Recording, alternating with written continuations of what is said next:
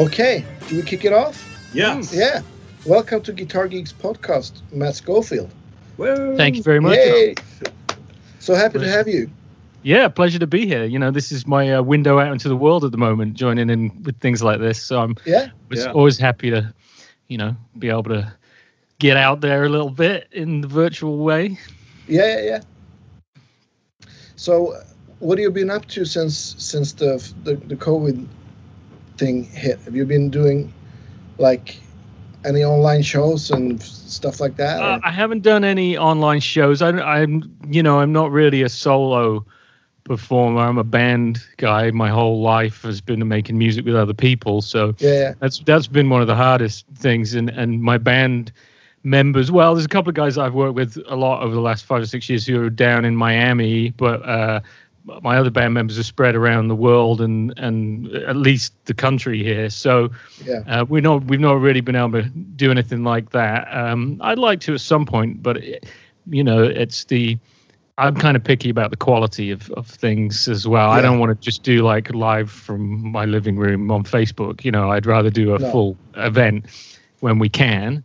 Um totally so um yeah it's not been that so i first of all very lucky to be with the uh, do a lot of stuff with a company called TrueFire, the the big online lessons. yeah. uh, yeah, yeah, yeah.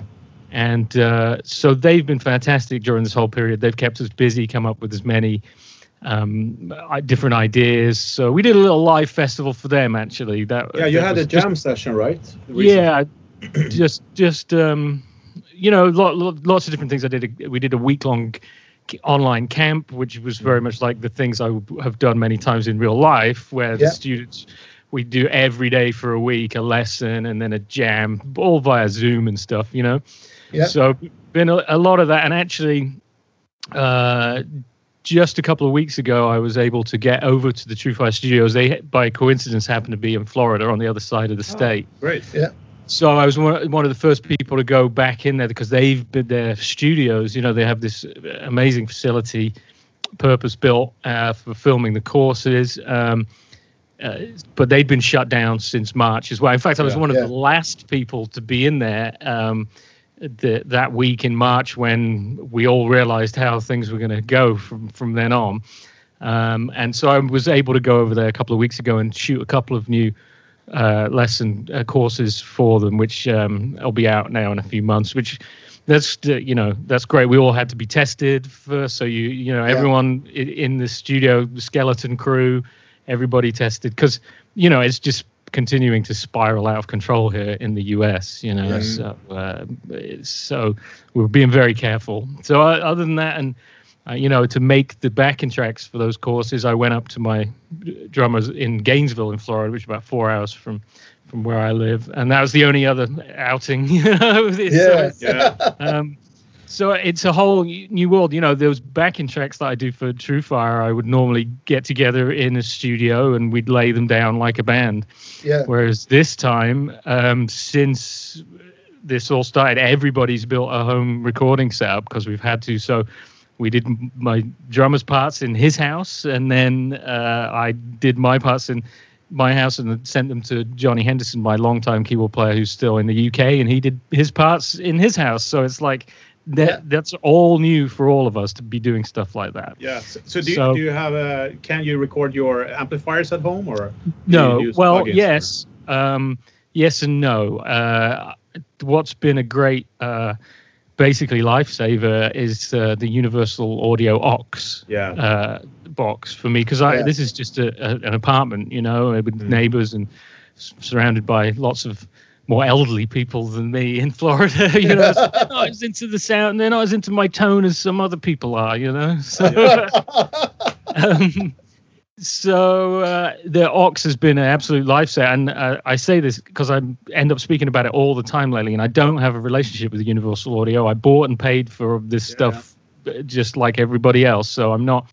I when I speak highly of it, I uh, it's genuine, you know, Yep. and uh, no endorsement, but uh, it it's been an absolute lifesaver. I simply wouldn't have been able to do stuff. So um, it's allowed me to continue working on some projects that I've got on the back burner to do um, rhythm tracks, and even uh, I, I often play the bass parts on the TrueFire courses myself. So it just you know, Yeah. it's been a game changer in that respect, and I, I do miss hearing the, amp through a real speaker cabinet. Uh, I play a hundred watt amplifiers. Yeah, live, you're you really know, famous for playing loud and you record as well, right? Yeah, yeah, exactly. So it's the diff- it's different um but yeah i've al- i'm a big amp guy you know so um Yeah. it, i've only heard guitar through uh, studio monitors uh, but then that's not in the studio i will often do that when my real amp is in the other room you know um anyway Yeah. so i'm used to that but i miss you know uh Yeah. what would you say Getting uh your pants to move. exactly trousers flapping is what i was about yeah, to yeah. say it's Yeah. it's very it's different and um but it's it's necessity right now you know so i've been able people I've played on a few tracks as a guest for people and all that kind of stuff um and i've been having a crash course in computer recording because i've always been all my records i've made over the- the last well 17 years i think solo records of mine and before that other bands i was in. I've been involved in the the mixing and the production side of it and i've produced several records for some other blues artists you know? But that was always the mixing desk and you know i was when i st- made my first out first time in a professional studio in the late 90s there was no computer screen at all. We were onto tape still and and we did it like that. So i'm actually much more familiar with that process. So yeah i've had a crash course in in fully engineering that stuff myself Ah, cool. So, so what uh, DAW do you use? Is it Logic Uh, or Pro Tools or? Uh, uh, well, I, I, I've used them all a little bit, and Yeah. I know uh, enough to be dangerous on a couple of them. But actually, I ended up with the Universal Audio rig as well, so I got myself a just a twin, you know, and, Yeah, and yeah. to, to um, and so then they brought out Luna, you know, and Oh, I, yeah. so I've for for a kind of dummy when it comes to this stuff like me um it's been really easy luna so it's because their workflow is it is more analog and the the the routing and the bu- busing of things is much more like on a desk which as i say i'm, f- I'm familiar with the Yeah. analog stuff you know Yeah, yeah. um, it actually looks really good too. I must it say. looks good and it sounds great. I, Yeah. I mean, I, I know that can be kind of psychological when something looks kind of cool, but I really like the sound of Luna and I'm finding it easy. So again, I, I, I mixed the TrueFire tracks myself. I- My engineer friend who normally does the drums did some work on the drums for me, but other than that, I did that myself for the new course in Luna. And I'm really happy with that. So uh, Cool. yeah, I need to. I, I need to. Uh, I need my hookup with UA at some point because I'm. yeah, you uh, should. You should. I'm all the way in, you know. yeah, yeah, yeah. So, so how, how does uh, Luna work with other like uh, Logic and stuff? Like, is is there can they work together, or do you have to well, like um, export files to import them and stuff? Or do you know what? It's super easy. So my most recent album that I'm also fiddling around with, so we started recording it two years ago, and and and for a variety of reasons, it's not out yet. It would have been earlier this year. Um, I was actually going to go and mix it somewhere on a mixing desk Yeah. uh, in April. I think we were hoping to do that, and of course that all went away as well. So I've been kind of mess feeling my way through maybe mixing it here. Um, so that was all in Pro Tools. No, actually, we did it into Logic. Then that was in the UK with my trio band with Johnny Henderson and uh, Evan Jenkins. Then I came back here. My local studio, where we do a lot of stuff, you know, um, is Pro Tools. So we put it into Pro Tools, and then I brought it back from Pro Tools and put it into Luna. And all I did was, uh, yeah, do an export Import the files. Pro, Yeah. Pro Tools, um, and it in, as uh, AIF files, I think it is. I mean, uh, um, as I say, this is all brand new for me to some this year. You know, to be doing that stuff myself, I'd always have somebody else do that. And then I just opened the AIF session in Luna, and, and there it is. So uh, it was that Yeah, simple. It was uh, even easier than uh, than uh, going from Logic to Pro Tools, as I recall. Anyway. Yeah. And Luna lets you you get all the the uh, Apple plugins to to use in if you have Logic, then it shows up in Luna as Yeah, well. yeah, yeah. Yeah. Oh, that's awesome! So, I didn't know. yeah. that. So you know, it was pretty buggy to start with, just to qualify my sounding like a fanboy of all this UA stuff. It was horribly buggy to start with Luna, but they keep updating it, and it's so easy if you've got the interface and the unison recording. So again, I record through an API or a Neve channel strip, like I would. Yeah, So yeah, yeah, yeah. so for someone who's kind of got one foot at least firmly in the past with gear, um, it works really great for me like that. It's easy for for my lack of modern knowledge, you know. Yeah. So on the ox, do you have like a, you found a a favorite cab mic combination that you use? I use the um the 212 that's like the two rock 212 normally. yeah, yeah, yeah, the one that's like standing up. Yeah, the Dumble style vertical. Yeah. Um, yeah, I usually use that, and um, and uh, or there's the I actually like the 80 watt 412. So not the not a famous greenback one. It's like the it's got the 80 watt Celestion. Oh yeah, the mm-hmm. classic leads. Yeah, it's Yeah. kind of flat flatter sounding and per- mm-hmm. personally you know in real life i use prefer higher power speakers that just kind of are more solid like that you know obviously if i'm lucky enough to be playing an old marshall then i want it through an old marshall cab Yeah, but yeah. with with my amps they're cl- you know everything is cleaner sounding so i Yeah. like the, the the sort of slightly stronger sounding speakers so that So the- one that one works i know it's not super popular but i've been using that one quite a bit Do you have Oh, the EVMs in your in your Two-Rock or?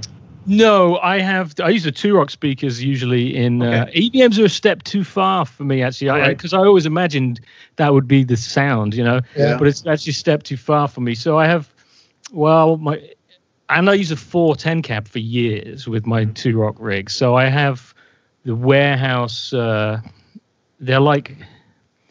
I can't remember. That's two rock use warehouse speakers. They're like uh, ET65. They're they're like a 10 inch version of the uh, 65 watt Celestion, although they don't Yeah, actually yeah. sound anything like that because Yeah. I have a mix of that Celestion in my 212 in, in my 212 cabinet has one Celestion and one two rock speaker. So you know the 65 watt has become a real classic choice for uh, those kind of amps. You know, Mm. uh, I think since Robin started using them or Dumble started putting them in yeah, yeah, Yeah. Robin's amps. Uh, although at this point, my two rocks are much, much more Fender than anything else. Uh, they're just kind of well, they're their own thing these days. But uh, you know, the, the the the one high power speaker that I do like, which they don't make anymore, they're really hard to get. But I, the, he lives here in Florida. Um, is uh, speakers called uh, Sh- uh, Shoals by George Shoals Sugarcone Ah, and they're like okay. kind of like a fane. So I have this one by twelve um, ported cabinet that uh, String Driver in Japan made. It's a bit like Larry Carlton's uh, little Yeah. ported Yeah. dumb cabinet, and I have the Shoals in there, George Shoals, because it's cast frame and it, so it's got that EV kind of solidity, Yeah, but it's much. It's it's nice. It's nicer sounding than it's, it's not as dry as the EV sounds. Okay, yeah. So that would be my actual main criticism of the Ox is one of the sounds that is missing in the, any of the cabinets I, I haven't really been able to find is that real piano low end sound Yeah. that you can get. You know, I keep saying I can't get that. You know, uh, in Stevie Ray Vaughan's tune Crossfire, he hits the low E at one point in the middle Yeah, of the song. yeah. It goes clang, you know? You can't really get that sound out of any of the cabs, you know. So maybe they would do a 412 with EVs at some point for the for, for that kind of super punchy. The lows tend to uh, tend to kind of fall apart more on the Ox, you know. Yeah. So, um, but like I say, it's been a lifesaver, and I'm uh, currently my next step. I pulled out this box that I have that I've had for years that I used to take to studios called uh, the Red Eye by Little Labs, and it's a DI and reamping box. Oh you know, yeah, yeah, yeah. and it records your guitar pickups really at the right impedance, you know, so so that you can record a DI into the into the uh, track and then send it back out, and it pretty much it makes your amp think it's seeing your pickups again. Do you know what I mean? All the in, all the signal impedance is right. So my plan is for some things I'm going to be working on from here that I can work at home by myself uh, and record that DI, and then when all the recording's done, just go to the studio for an afternoon and actually put stuff through my full rig with microphones, but not Yeah. have to be there for a week and before you know not be in there the whole time get the hard stuff done pl- get the playing done how I want it and Yeah. Yeah. preamp it, you know, because again, the Ox is great, but it's not quite as sexy as a 100 watt two rock flat out mic'd up, you know, it's, it has Yeah. a different energy. So, Yeah. Yeah, it's a great it's a great tool, definitely. yeah, it is. That's that's right. And we have to find all the best tools for this situation, you know. Oh yeah, totally. I'm I'm a big Ox fan myself. I use it Mhm. almost every day. I must say. Yeah. So I, I have a since we were started talking about we started talking gear right away. Yeah, right, yeah. and right out of the Yeah. gate. Look at that. So how, how did your your uh, uh, uh, collaboration with Two-Rock start? When did you start using Two-Rock's amps? Do you remember when you tried the first one? Yeah, I remember um, 2005. I go all the way back to uh, what's comparatively the early days, I think. Yeah. There, you know. Yeah. And uh, I was on tour in uh, the Netherlands, and there's uh, their distributor at the time and still is uh, Van der Haar Guitars and Parts there in IJsselstein in the in the Netherlands, and. Um, we knew we knew he had him. He's one of the only places in Europe that had him, and um, so I was over there with uh, my on, on tour with uh, me and myself, uh, Simon Law, who makes my SVL guitars, who's we go back 30 years now. Um, went and to check him out because I'd been touring with my vintage Super Reverb for you know because when I, my first couple of albums were m- made on the only guitar and the only amp that I had. I didn't have lots of stuff. I had a, a great 1961 Strat and a great 1964 Super Reverb and Yep. one overdrive pedal. You know that was that was the extent of of my gear. Pretty good good Yeah. start. Yeah. It, it- it is a good start, but I mean that's literally all I had. So I didn't have. I, I went for quality, not quantity, and Yeah, I was yeah. fine with that. Yeah, I yeah. was, and still am. They, I still have those exact things, you know. Um, but um, uh, we, it was, you know, the Super 64 Super going in and out of a van, a flight case, or when you fly and you can't take it, was becoming increasingly maintenance uh, heavy to you know Yeah. to keep it keep it so we were just looking for something that was kind of um, yeah sexy sounding like that. And uh, so i did, tried the Two-Rock custom reverb at the time. It was the original one. It was a 50 watt one. And uh, bought it from from i think i spent all the tour money on it you know and just bought it from van der haar and uh, then you know i ordered another one from him sold that one ordered 100 watt because i'm like it's more of a good thing. Um, and uh, then in 2010, when I started touring the US with my own band, um, we flew into San Francisco and rehearsed in San Rafael, just up the road, and Two-Rock had just a bit further up the road um, in uh, near Petaluma and uh, why can't I think of the, the name? Santa Rosa is the is the uh, town. So it's all in the in the Northern California there, and um, so Max Skinner from from Two Rock, who I'd been in touch with in email, they uh, they ended up bringing a, a custom amp down to my show in San Francisco and like take this with you on tour let us know what you think if you know and and it just went from there and um so then we did the signature model in 2012 um and then three or four years ago now maybe 2016 17 2016 uh my friend eli lester who um you know we knew from gigs in in California, and uh, he was a two rock artist himself. He ended up buying the company back from the parent company that they'd been taken over by for a while. And uh, so me and Eli, like I say, we were friends anyway. And then he happened to buy the, the amp company that I used, so that's kind of cool. Um, so him and Mac now, um, so it's two, you know, two of my best friends in the world own the company now, and so it's it's more than just the amps I use. It's kind of it's been a process of Yeah. working with them on, on ideas, or I'll call Eli and say, "Dude, you should make something like this." I don't know how to do it, but he does, you know. Yeah, so, yeah, Yeah. but I think you know the last couple of years they really stepped up. I mean, it's uh Well, that's since Eli came in. He just yeah, yeah. No, Yeah. it's a different amp now. I mean, back in the days they were good, but now they are super good. and Yeah. back in the days they used to blow up a lot as well. Exactly. But I think they, you know, for what I remember, I was fairly early on the ball. uh, Mhm. on the two rocks. I never owned one, but I tried all of them. Uh, Yeah. Uh, the Transformers were really bad back in the days. I I blew up a fair few Transformers, yeah. Yeah. And so Eli's basically turned that whole thing around. They sound better than ever. They sound more like I always could see them sounding, but they didn't quite. If you know what I'm like, I, Yeah, al- yeah. I always loved them, and they have they have a certain. Uh, they always had just a bit more of a vintagey vibe than some of the other things that that you know that, that were in that Yeah. kind of realm, you know. So they always felt a bit more like an old Fender to me, you know, Mm. which is why I was looking. But now, like, well, I, I, Eli will tell you, you know, you should have him on the show. Actually, Yeah, He's definitely. Oh yeah, that, talked that'd to. great. Yeah. I could but then also, I think you know when they stopped being the little, little brother of Dumble.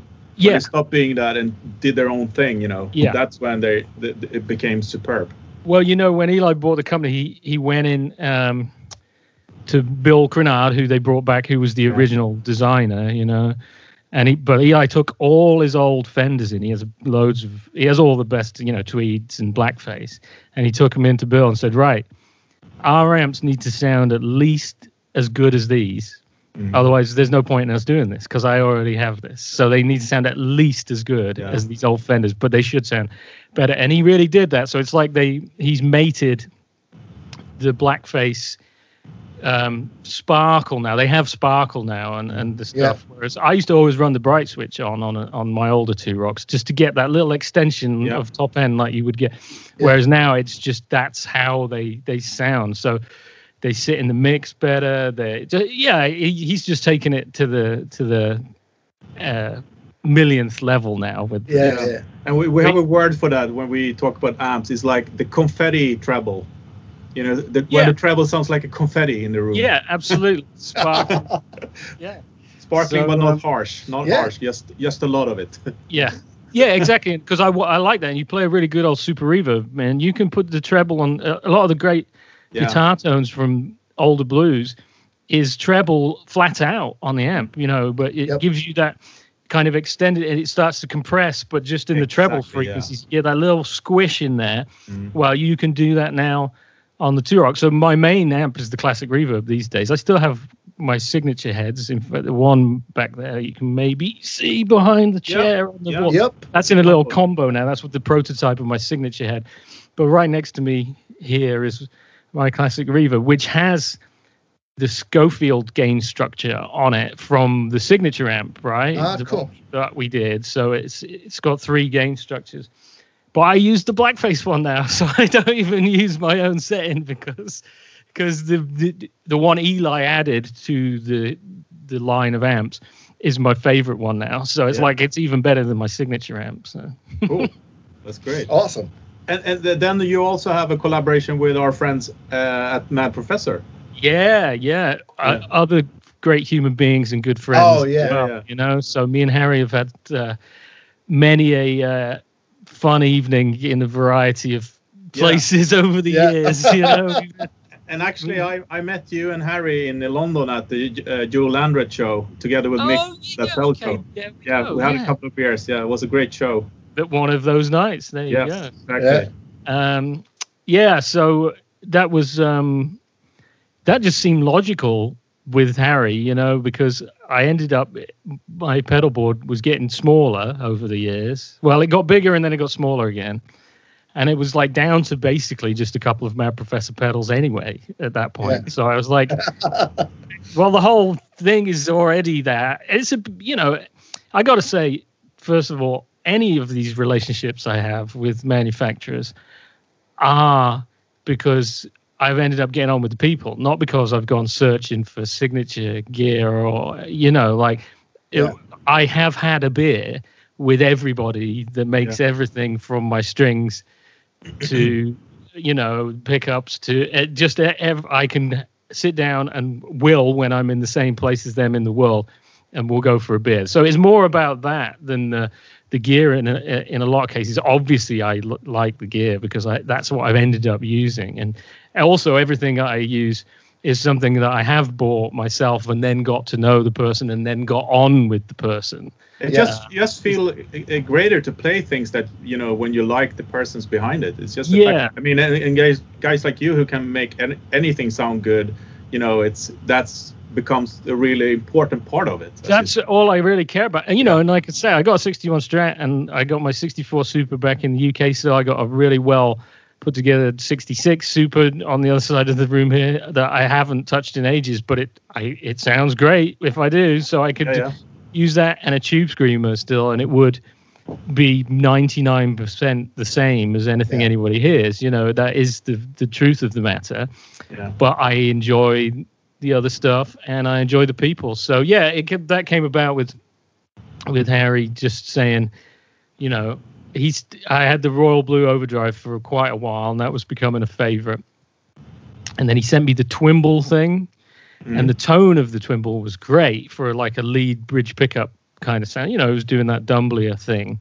Yeah. But it was way too compressed for me, which is more like that overdrive special sound. It has a fair bit of compression, but and I was like, can you make something that has that kind of tone, but much more headroom, you know? Because I'm not really going for that lean overdrive special sound so much as, you know, I'm going for just something a bit hairier than that, you know, a Mm. bit uh, slight, slightly less refined in a way or something. I don't know, but, but a bit more low down.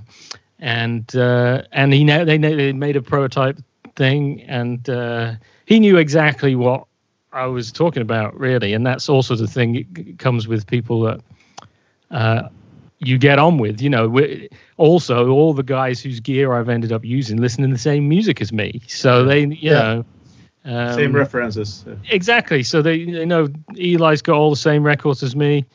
Harry's got all the same records as me. In fact, Har they've both turned me on to other records that I didn't know. Harry played some blues, uh, some old Chicago blues stuff uh, that I'd never heard when we were at NAMM the other year. You know, so like that. It's yeah, it's all about that. You know. Yeah.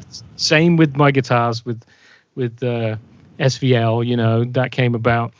I used to buy my guitar strings from the year I started playing from the guitar shop that Simon Law worked in back then. So I was like 12 years old or 13 years old when I first started, and he was the the local tech and luthier in my local guitar shop, in, which was the nearest one to where I grew up in the south of England, um, in Swindon, and he worked there, and so then he became the guy that worked on my guitars, and then eventually he moved on from the shop, started touring with me, um, and doing front of house engineering, doing sound, uh, engineering some of the records, co-producing some of the records, and then when it became increasingly um, scary to travel with my old Strat as the value continued to go up and the airlines became seemingly more irresponsible with it uh, as time went on. Um, you know, he said, "Well, I'll make you something," and and uh, that became the the touring guitars that I use now. You know, so again, just a thirty year relationship. Yeah. Oh, that's, That's awesome. did, Yeah. did did he build guitars before that? Before he he, built he guitars? He built you? a bunch of stuff over the years, yeah, but Yeah. more he was the the in-house uh, luthier repairman, and he built the odd one, and and uh, but um, you know it was more like just came about of of um, I don't even know if it was like a plan to be a brand or anything. Even uh, you'd have to ask him about that. But uh, initially, it was just well. I'll tell you the honest story. My old manager approached uh, a well-regarded dealer in the in the UK about a connection with Fender. This, so we're talking probably over 10, 12 years ago, and I wasn't as well known as I am now. But I, you know, I had it, my following. I was selling records and getting people in rooms to hear me play, Mhm. and uh, the dealer wanted to do uh, like a replica of my of my 61 uh, like a relic type thing you know and uh and he was going to place the order and get i don't know 10 made or something and they'd be special editions and stuff like that and fender weren't interested in in working with me at that point you know? So uh it didn't it didn't go anywhere. So simon was like well fine i'll make you something you know? Yeah. so yeah so that was really that's was part of it as well you know? I, I, um i- of course, we would, and Simon would be the first to tell you that we uh, a- admire and are hugely inspired by Fender. Obviously, you know, and my '61 Strat is the one that he was trying to get something close to. You know, so, uh, Yeah.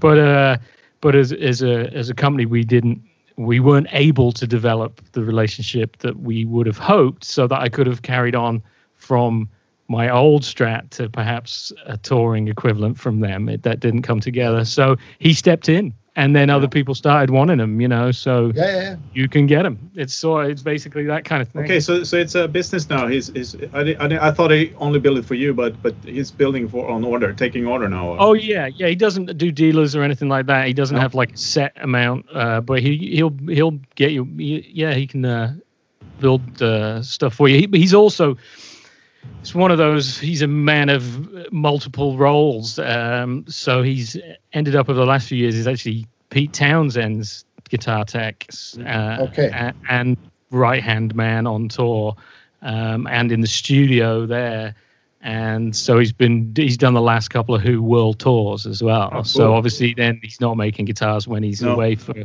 yeah. for months doing that. So uh, uh, anybody used to come out on tour with me as well. I, I lost him to Pete uh, recently. Pete's got more money and better plane seats than I do.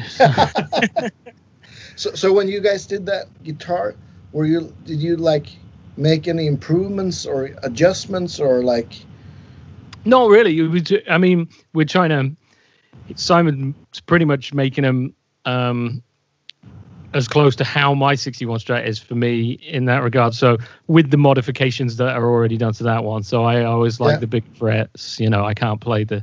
I, the I'm lost without taller frets, and uh, and uh, you know, other than that, it's pretty much just like an old Strat. You know, um, I think sometimes the fretboard radius is slightly compound further up, but uh, it's mostly like a seven and a quarter radius. I think it's a Yeah. little flatter.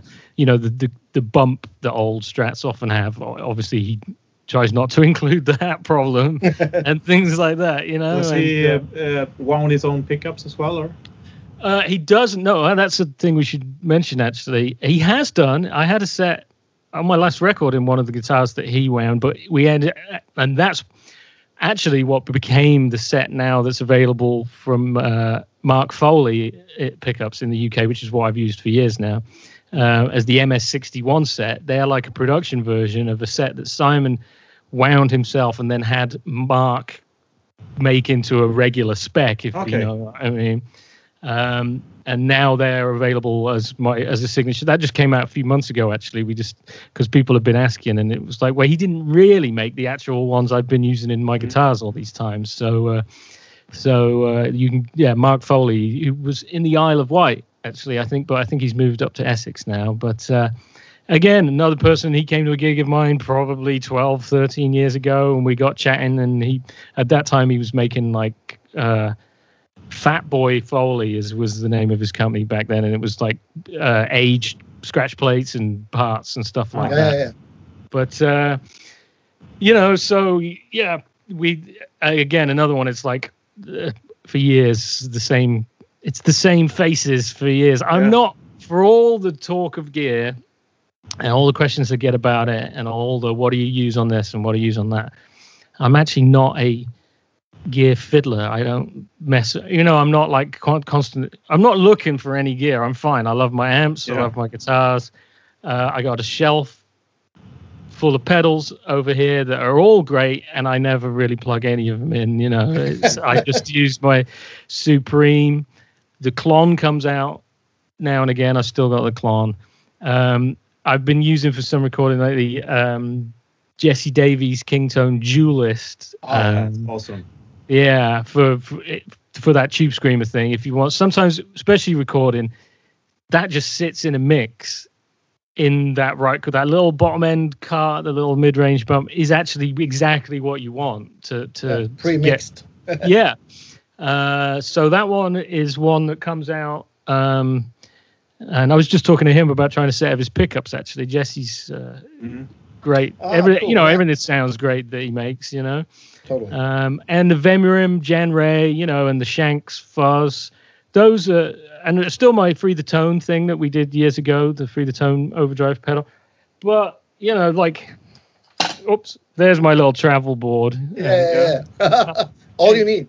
That's it, and there's the duelist in case I need that as well. You know, so So that, that's uh, a Supreme and a, a, a blue, deep blue delay, right? it is, and then the little Henretta trims, Yeah. the Crimson Tremolo, little Oh, Right, oh yeah, yeah. yeah. no no knobs. You know, Yeah. it's just a preset trem sound because I use one trem sound on like two songs in a set. Yeah. So. awesome. I, I Um, got a question about sorry about the Supreme. Yeah. Do you use both channels at the same times, time, or do you use them separately?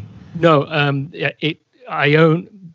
You can set it to stack them, but I Yeah. don't like stacking at all. I've never been a. a well, I you did it for a while with the Klon and the SOV, but I.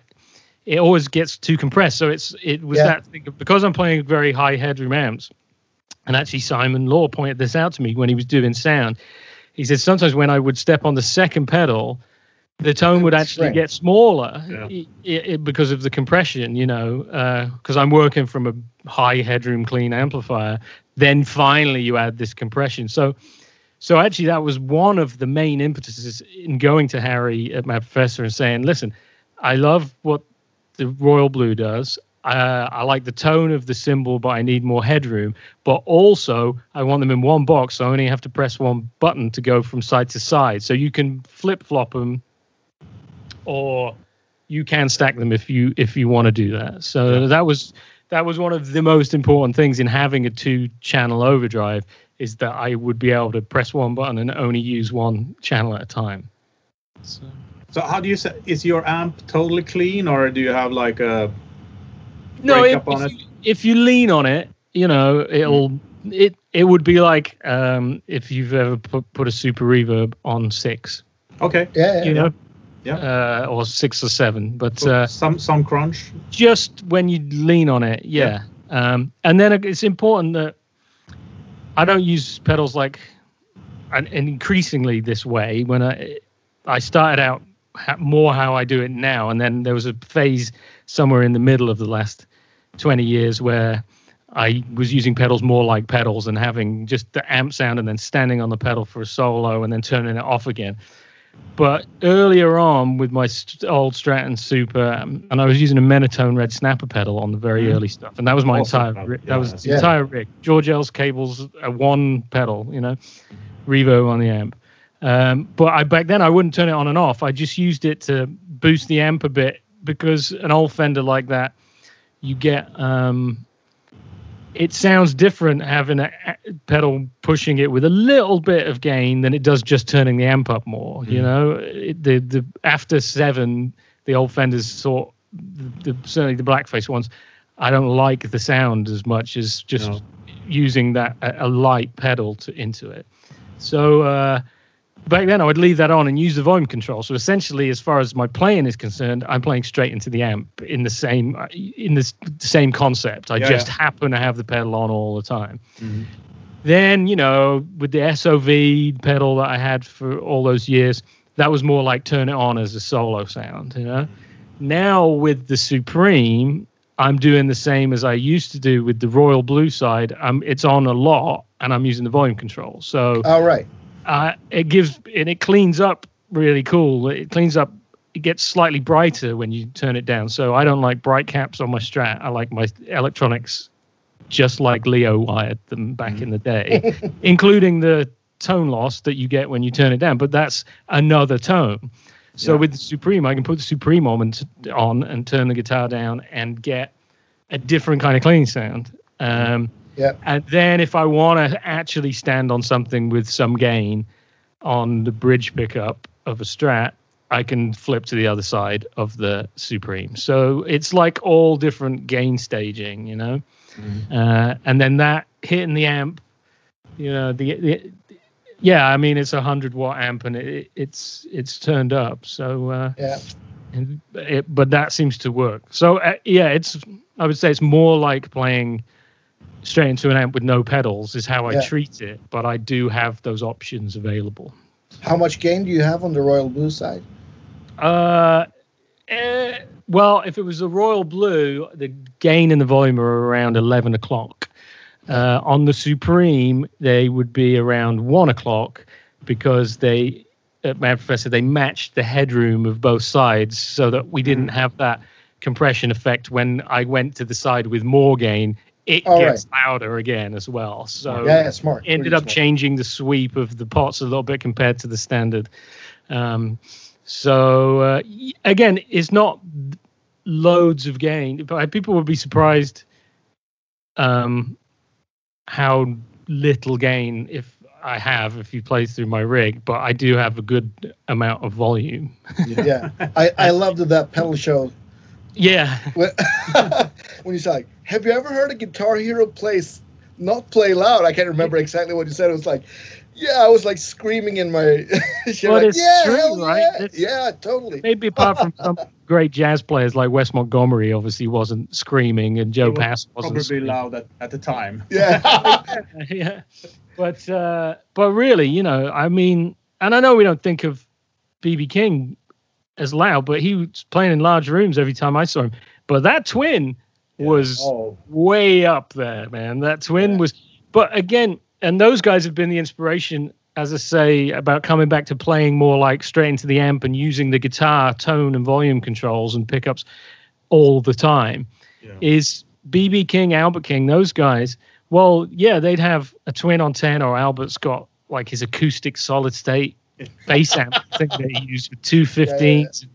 Or my favorite one of him is when he's using the dual Showman reverb. Uh, so that's that's all. That, th- those guys just put the amp way up. Albert Collins, quad reverb with JBLs Yeah. on 10, treble on 10, middle on 10, bass Yeah. on zero, good slap. That that's like that's louder than me, and Yeah. that's cheese than- with that sound. yeah, glass. But they don't come out and play on 10 on the guitar Oh, all the time. They feed a bit more to the to the to the amp from the guitar, and Yeah. you know as the solo goes on, they bleed a little bit more treble into it, and just you know, so it's this.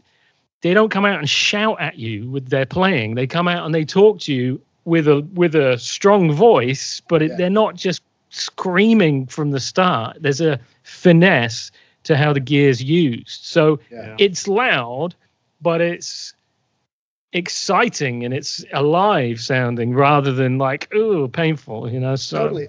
And and i would say it's it's a lot more expressive to use volume that way too.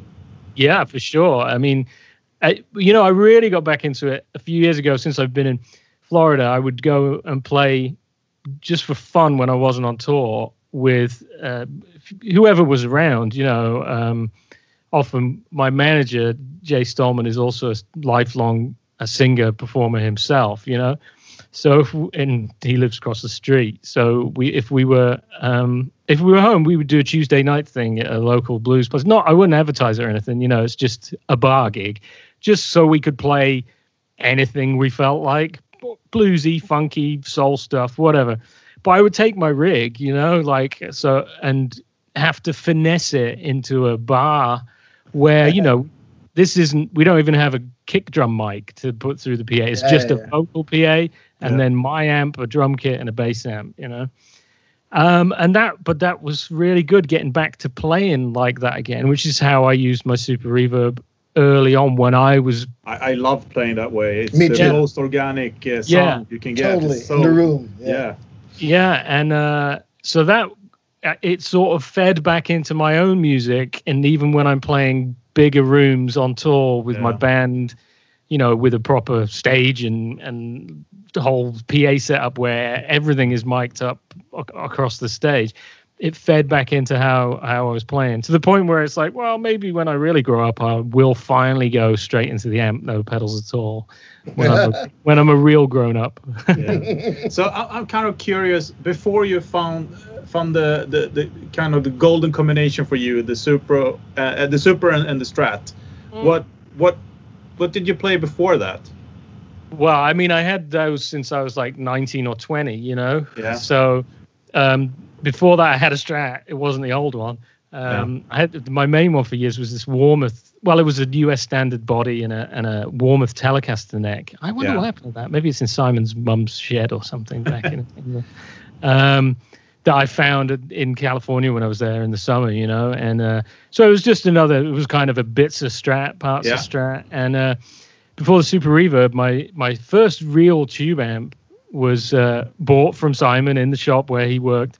Mm. Uh, was a 1977 uh, Super Lead, Marshall Super Lead and 412. So ah, cool. four input, la- like last of the non-master volumes. Yeah, yeah. Yeah. So um, that was my first actual tube amp. So I pretty much got straight down to business, you know, because uh, that we're talking 1993 or something then. So whatever he had in the shop was what I could get. You know what I mean? I wa- I wasn't able to travel to London to find stuff, so it was just a different world. Then no internet, no eBay online finding.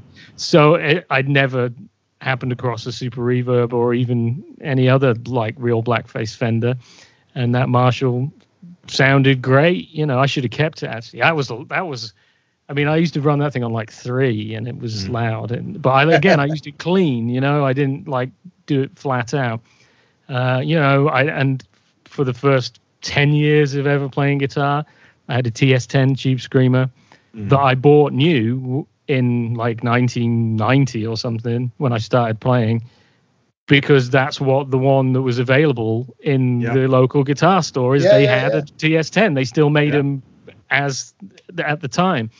So again that's probably in my mum's garage or something somewhere but um, worth a bit more money now the TS10 Yeah, aren't they? Since is. John Totally. Mayer started using them. Um, that's so for 10 years I had that you know? Yeah. that, um, But but do you remember the first time you tried a super? Uh, did you? yeah Was that a moment for you? Or? Yeah, yeah, because I actually went looking for one when I was in California. So um, I was yeah. think I was 19, 18 and 19, and I'm so I'd saved up some money, and then there was a great guitar store in San Francisco uh, at the time called Black Market Music, which is actually where Robben Ford bought his famous blonde Telecaster. So they Ah. they always had cool stuff in there, and it, I bought my parts strap with the telly neck. Uh, at uh, the other location in Walnut Creek, you know, so it was always a place I'd visit. But I decided I want a super, and they they had this was like a warehouse type guitar shop. It wasn't like a fancy guitar center display type place. It was like a big sort of storage room, Mhm. and they had piles of dozens of old blackface amps, uh, supers, deluxes. It's just walls of of black and brown basement heads, you know, like um, crazy, different. So we're talking, yeah, mid 90s, mid to late 90s. Still pre internet, you know, or most people have an internet. So I lined up four blackface super reverbs in there and picked my favorite one. That's so that's what I went. That's Oh, how Cool. I think I'd probably played through one on, on like festival backline or something at some point, you know. But basically, with it was like everyone had gotten a great sound out of a super reverb Yeah. that I was listening to. Obviously Stevie Ray, but Jimmy Vaughan too. Uh, I'd been listening to Ronnie Earl then. That like the, that's his sound. Anson Funderburgh, I loved his tone. That's his sound. Muddy Waters played a super reverb. So I, you know, it was like I think I should just get a super reverb. Yeah.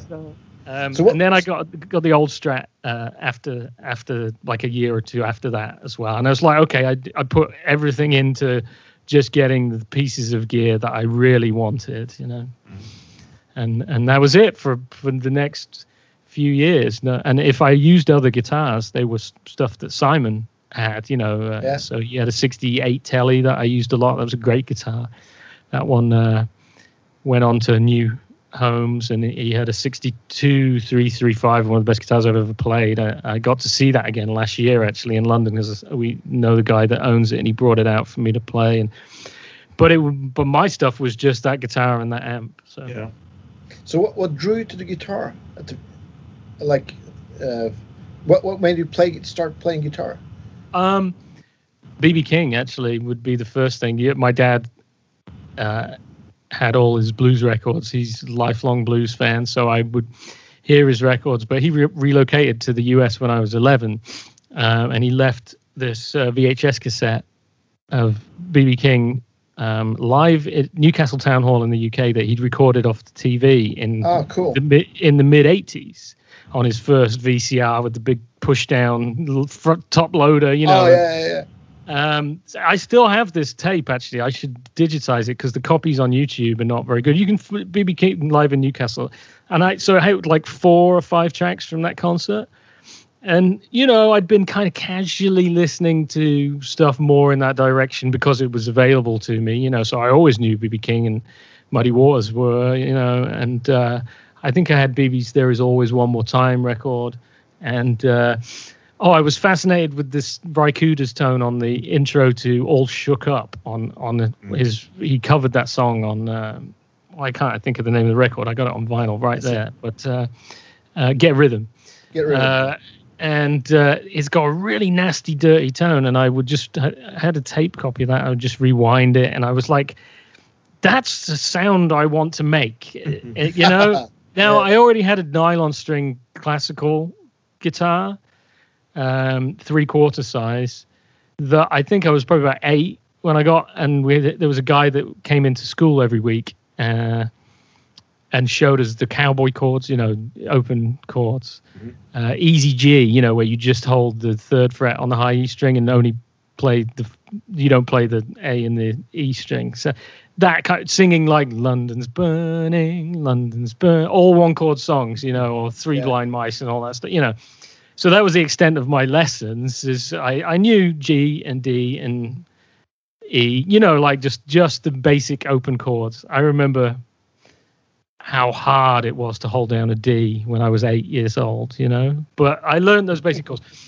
But then, yeah, this BB King video, I would just watch it every morning before school, thinking, how do you do that? And where would I even start? And he, I rem- in my young mind, I'm watching him, and he's like, he's playing up here on the guitar, and I know those like five chords down the bottom, but what, how do I get from that to that? So then he had this bass player who's still out there playing. We met at a festival a few years ago, and I got to tell him the story. Russell Jackson was with him in the uh, early 80s. Fantastic bass player. So I really liked his playing as well, and so I got a bass for a minute there, just a cheap precision bass copy, because I thought, well, I could never be BB King. You know, how do I even do that? But maybe I could play bass in his band. So I got a bass, ah, messed around on that for I don't even know when you're 12 years old. It could have been two weeks or two months. I don't know. yeah. But that wasn't still doing it. So I got that old nylon string, three quarter size nylon string guitar out uh, of the cupboard where it had been for a few years and went to work on that, trying to figure out BB King. And uh, so that was that was it. And uh, you know, so then I'm starting to check out more stuff. Uh, so my uh, my dad then I, I visit him the summer after that, and he showed me another VHS he'd recorded off like MTV back when they used to play music, and it was BB King sitting in with Stevie Ray Vaughan and uh, Albert Collins. It's all with Stevie's Oh, band. yeah. Again, you can go on YouTube now, Yeah. uh, and they do Texas Flood that. together. You know, well that was that was it. That one with the three of them, and first of all. Well, they all sound completely different from each other. And years later, I realized nobody's even tuned to the same tuning on the stage. You know, so Stevie's in E flat, Albert Collins is in F minor, Yeah. BB's in standard, you know, and it's like, and yet they all sound like incredible, and you couldn't be more blues than the way those three guys played, Yeah. and yet they're totally different. So that fascinated me, and Stevie being younger, being white, uh, to my twelve or thirteen year old mind seemed to make it accessible to me as well It did- because where do you begin to be bb king you know i'm like eh, you know how do i even start but so for some reason stevie put it as we all know he wrapped it up into this kind of very accessible and um, inspiring package that that yet is somehow easier to grab a hold of when you're trying to learn to play than Yeah. BB is. You know, it's it's Yeah. actually easier to play like Stevie than Albert King or BB King. You know, um, they're like the Zen masters. You know, and and Yeah. so so uh, that was it. From then on, uh, went back to school in September that year. Oh, Stevie died about two weeks after that as well. So I just got into him, and then he was killed. Went back to school in September. Said to some friends, "Well, I'm playing guitar now, and we're starting a band." Uh, so one of them went, "Okay, I'll play bass." The other one went, "I'll play drums," and we started a band together. And that was how I learned to play, was playing with other human beings. So I never had backing tracks. And I obviously I sat in my bedroom for hours as well, but for every hour we possibly could after school and both days on the weekends all day every day Yeah. we played songs together and learned as a bunch of youngsters doing it together and i i realized especially during this time with the pandemic and how that's what's been taken away from us you know um, my entire being in music involves playing with a band really and get and what I do in the world actually involves bringing people together that you know be it Yeah. the band or an audience and that's really been something that I've reflected on how vital that is to me uh, and how difficult it is to be without it because from the minute I decided I was going to play guitar, it was to have a band and make music with other human beings. So Yeah. there's been, I know I'm digressing a lot there, but it, No, it's no, no. been, uh, that's been the thing to, you know, the initial March, you know, it was like, well, we all thought it'd be over by the summer, didn't we? You know, Yeah, so yeah. my my April tour got rescheduled to June. You know, well, that's been rescheduled to January, uh, and of course, it's going to be rescheduled again. I'm not going to be on tour in January. Uh, you know, so uh, the initial thing was, oh, it's okay. I've have you know what? I've been uh, I've been doing this for 30 years next year since I did my first gig, and it was like 30 years this year since I saw that Stevie and BB King and Albert Collins video. Happy anniversary. Yeah. Yeah. So, um, so okay, I I'm not gonna be able to do a gig for a few months. That's gonna be weird, but I'll enjoy being off. You know, we'll t- I, I'll make the most of it because I've been honestly in a hamster wheel for all those years. You just keep going, and one Yeah. thing I've le- one thing I learned is that um, touring is um, I, I actually d- don't make that much less money not touring at the moment. it's just paid for itself for 20 odd years. Like it, Yeah. it self perpetuates. Mm. Turns out I haven't made any profit this whole time. um, but uh, obviously I've developed a career, you know. Yeah, but yeah, yeah. uh, you know, but other little income streams that you develop and things like TrueFire is how you actually get paid these days. Yeah. Yeah. So, you know, accepting that we were going to be off for a while. Of course, now it's eight, nine months later. Um, it's really getting weird because I haven't not done a gig in eight months since I started doing gigs age 13. So we started Yeah. that band in September. We did a gig in April the next year Yeah. and it sounded all right. I mean, we Yeah. were 13 years old, but we it was different learning music back then as well because you didn't have YouTube and all that to do. So we I listened to record. Well, I taped my dad's vinyl onto cassette tape every summer. Buy a stack of C90 cassette tapes, tape as many vinyls as I could, and take them home and listen to them on my little boombox and hit rewind, try and listen to that lick again, hit rewind, and um, so it was all a different thing. So now the break this year is trying to figure that out again almost. It's felt like, you know, I've been so I've thrown myself into my vinyl record collection and uh uh, go that's my hobby now on my quarantine pandemic hobby is Yeah. finding cheap good quality versions of vinyl records so i've been Yeah. like you can go on ebay and i can get some of my favorite blues records for like five bucks eight bucks twelve bucks you know buy an original i got original copy of i'll play the blues for you the other day for like 12 bucks you know Stax issue. So i've become a complete vinyl nerd in the last eight months you know. Reason being Yeah. yeah yeah. Because i've been home to do yeah, that yeah, and exactly. and and so as I say, the reason I'm bringing this all around to starting to play is I feel like I've got to do it again almost to go out when we can go out again. Yeah. I have to keep myself inspired. Like, you know, I didn't have a lot of gigs when I was 13 and 14. We'd get one every now and again that we could do, but I wanted to do it so badly, and I was so absorbed in the music. And it's like, well, I guess I have to do that again 30 years later of just be Uh, really into Yeah. the music so that I can't wait. Because it's there was a period where I was like super demotivated during this as well because everybody's doing their Facebook live streams and Yeah, asking yeah, for tips and I'm like fuck that man. You know like I already do I, I do what I ha- I already do what I do. You come and see me at a gig live you know? It's Yeah. it, what I do happens in real life with other people. So I was really demotivated and not inspired and felt like I didn't um uh have I, well, my creativity does not exist in a vacuum, you know. So it's it's been really hard. My girlfriend is a lifelong professional singer, vocalist. Uh, of course, she's lost all her gigs as well. She's she's not so much of a recording artist. She's a live, you know. She's been gigging four or five nights a week in New York and Connecticut for twenty odd years, you know. yeah. Um, and again, same thing. We were both suffering with that. Um, you know, so now I've brought it back around to really just listening to records. Like I, I mean, I, it's not that I have ever stopped listening to music. I'm obsessive about it, but I mean that enjoy that simple pleasure of putting on a vinyl record, listening to the first side, getting up, turning it over, listening to the next side, and not doing anything else. Not on my phone Yeah, or I mean, in the car or Yeah, yeah. I was Um, just about to say that because I have experienced learning music the same way as you, together with other people, and that's an amazing experience to grow together. And you know, from that three chords to five chords to a solo, and it, it's it's Yeah. amazing. And I tell Yeah. my kids, you know, you need to start a band. It's, it's Yeah. such a great experience. It's the best.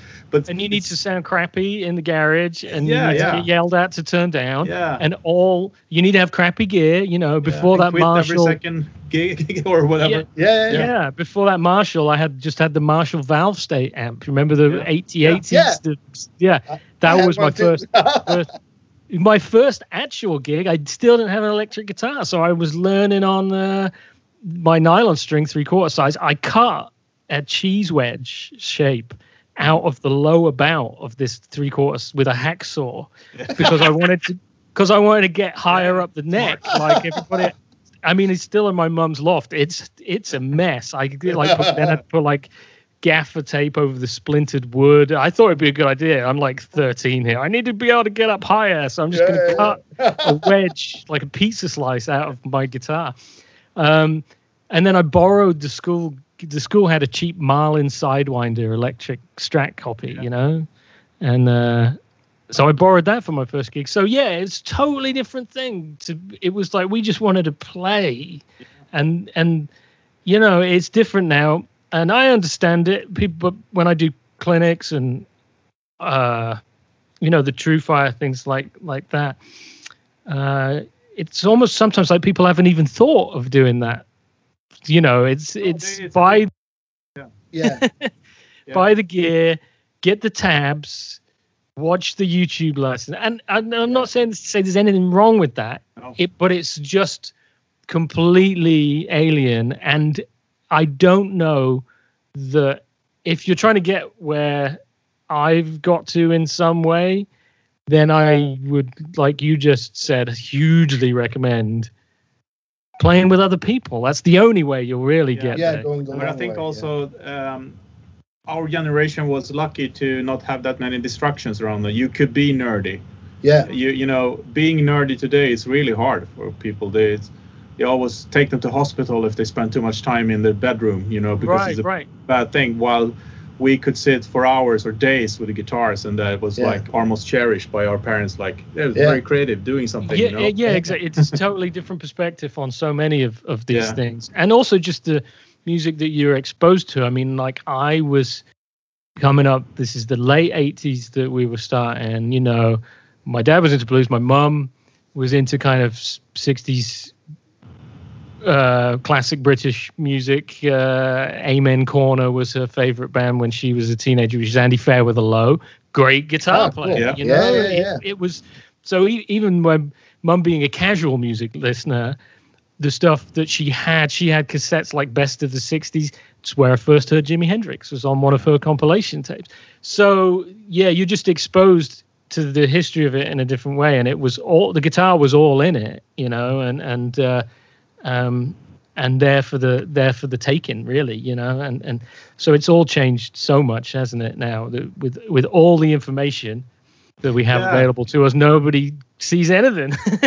yeah and it's it's it's too much uh, distractions out there but th- then also there's a lot of people that you know new musicians out there like djs and stuff like that and people don't call them musicians but you know they make people dance and they play live a lot so Yeah, yeah, e- even more than rock musicians nowadays actually Oh well, that's always been the slightly worrying thing. Sometimes when I look at the crowds that come and see me, you know, and I'm Yeah. grateful for every single one of them. But if, I mean, for the most part, they're older generation of people that um, have always gone and seen live music, you know, Yeah, and and have been doing that for at least as long as I've been playing it, if not longer, you know. So I mean, I'm 43 now.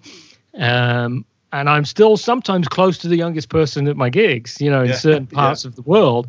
Other parts of the world much more diverse, I must say. Certain countries in Europe, when we go to Italy or uh, um, uh, when I've been to Eastern Europe or India or Japan, uh, places like that that I've played, the audience has been more of a cross section of uh, male and female, uh, and uh, and uh, young and old, you know. But the classic British and American blues gig goer is, you know, dudes. yes yeah. um, yeah so it, yeah, it's not always f- filtering through. I have to give somebody like, certainly in my case, I know a lot of people found me via like younger guitar dude. Uh, he definitely had an effect on on even the likes of me. I'd say perhaps more than Bonamassa actually. That John Mayer filtered younger people to someone like me, so they maybe yeah, yeah, yeah. they got into guitar because of John Mayer. They checked out Two-Rock amps. They saw I've got a model. They checked me out, and Yeah. they're then next thing you know, they're actually coming to see me at the gig. So that that's Yeah. he's definitely sent unintentionally, but uh, people in the direction of searching out more of this kind of music that that we love. You know. yeah and he actually proved that it's okay to play good music so yeah. Sure. Yeah. yeah. it works Yeah. For sure. And uh, you know Gary Clark uh, Jr. as well. Yeah. Um, It's oh, amazing. Totally. Yeah. Yeah, we did. Funnily enough, we did a bunch of gigs together back like ten years ago. Uh, Yeah. And uh, before he blew up, you know, we come, we did, did a festival in uh, Indonesia together. You know, and we were wow so. Uh, and uh, yeah, we had a great time, and uh, we did uh, Notodden in Norway. Um, Oh yeah, yeah. And uh, yeah, so and then he just blew up. Good for him, you know. So uh, good, good bloke. So he, yeah, he managed to break through there as well to some degree. But you know, big record label behind him. It do- does- Yeah. Warner Brothers Yeah. doesn't hurt, does it? You know. No, no. no You- You said you were working on a on a new album, and I'm curious about how you write songs. Do you have like an Um, approach, or is it like Uh, with right, with great difficulty is how I write songs. yeah, if I had an approach, I'd use it. Um, no, I don't know, man. That's the, probably the hardest bit of all. Um, yeah, I, I'm not a person who wor- gets up and writes a song every day. I get up and noodle around on the guitar every day. yeah, But um, so yeah, it's just trying to be open to the ideas or- be noodling around on the guitar and going, you know, I should remember that because it could be something, you know, you rather like than record it on your phone and I've got it for yeah, later. Or, yeah, yeah, I'm uh, definitely just on my phone quickly. I mean, like I say, that's I've never had a home studio until this is the year, which I just happened to start building before all this. I just started getting some bits, so that's been fortunate, and I haven't done any writing into that so much yet.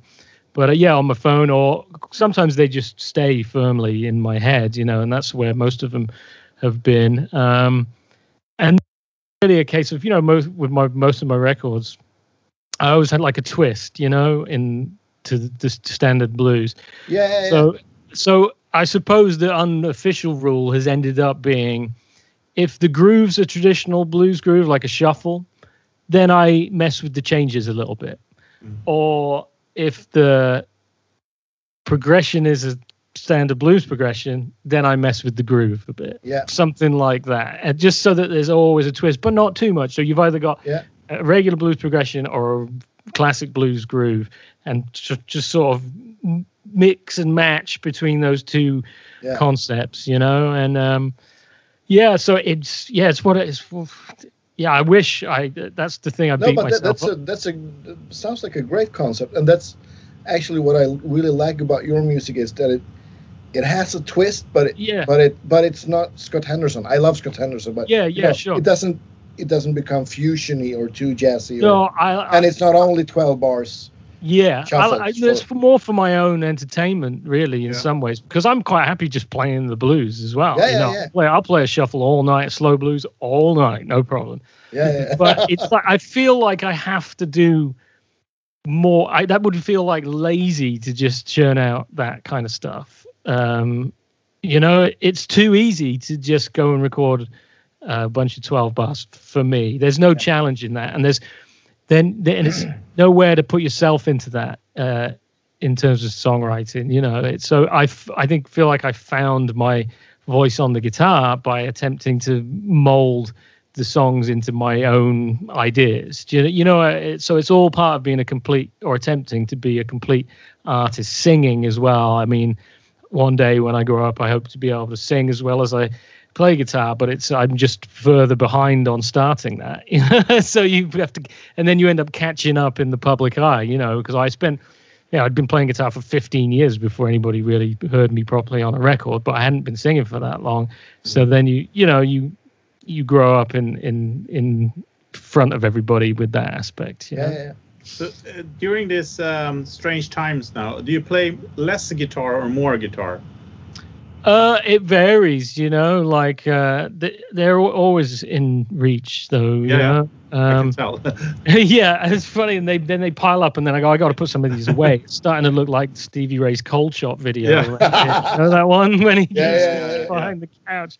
But um, actually, so in the last two or three months, I've been quite immersed in, you know, production or you know learning that stuff like giving myself a crash yeah. course which has then taken away from uh um playing time somewhat because I am like in this computer world but it's like well I've got to put the you got to learn how to do this Yeah. stuff properly you know um and then doing the TrueFire tracks I wanted to play bass on them myself and I borrowed a friend of mine's bass for them and then I was like on Sweetwater the big gear website here in, in uh, US and these Danelectros basses had just come out like and uh I have their credit, Sweetwater's credit. Um, so uh, I was, I, it was like 24 bucks a month to, for the next two years to get to get this little down Perfect. electro. so I bought one, and I haven't actually bought an instrument since that 61 Strat. You know, in in just actually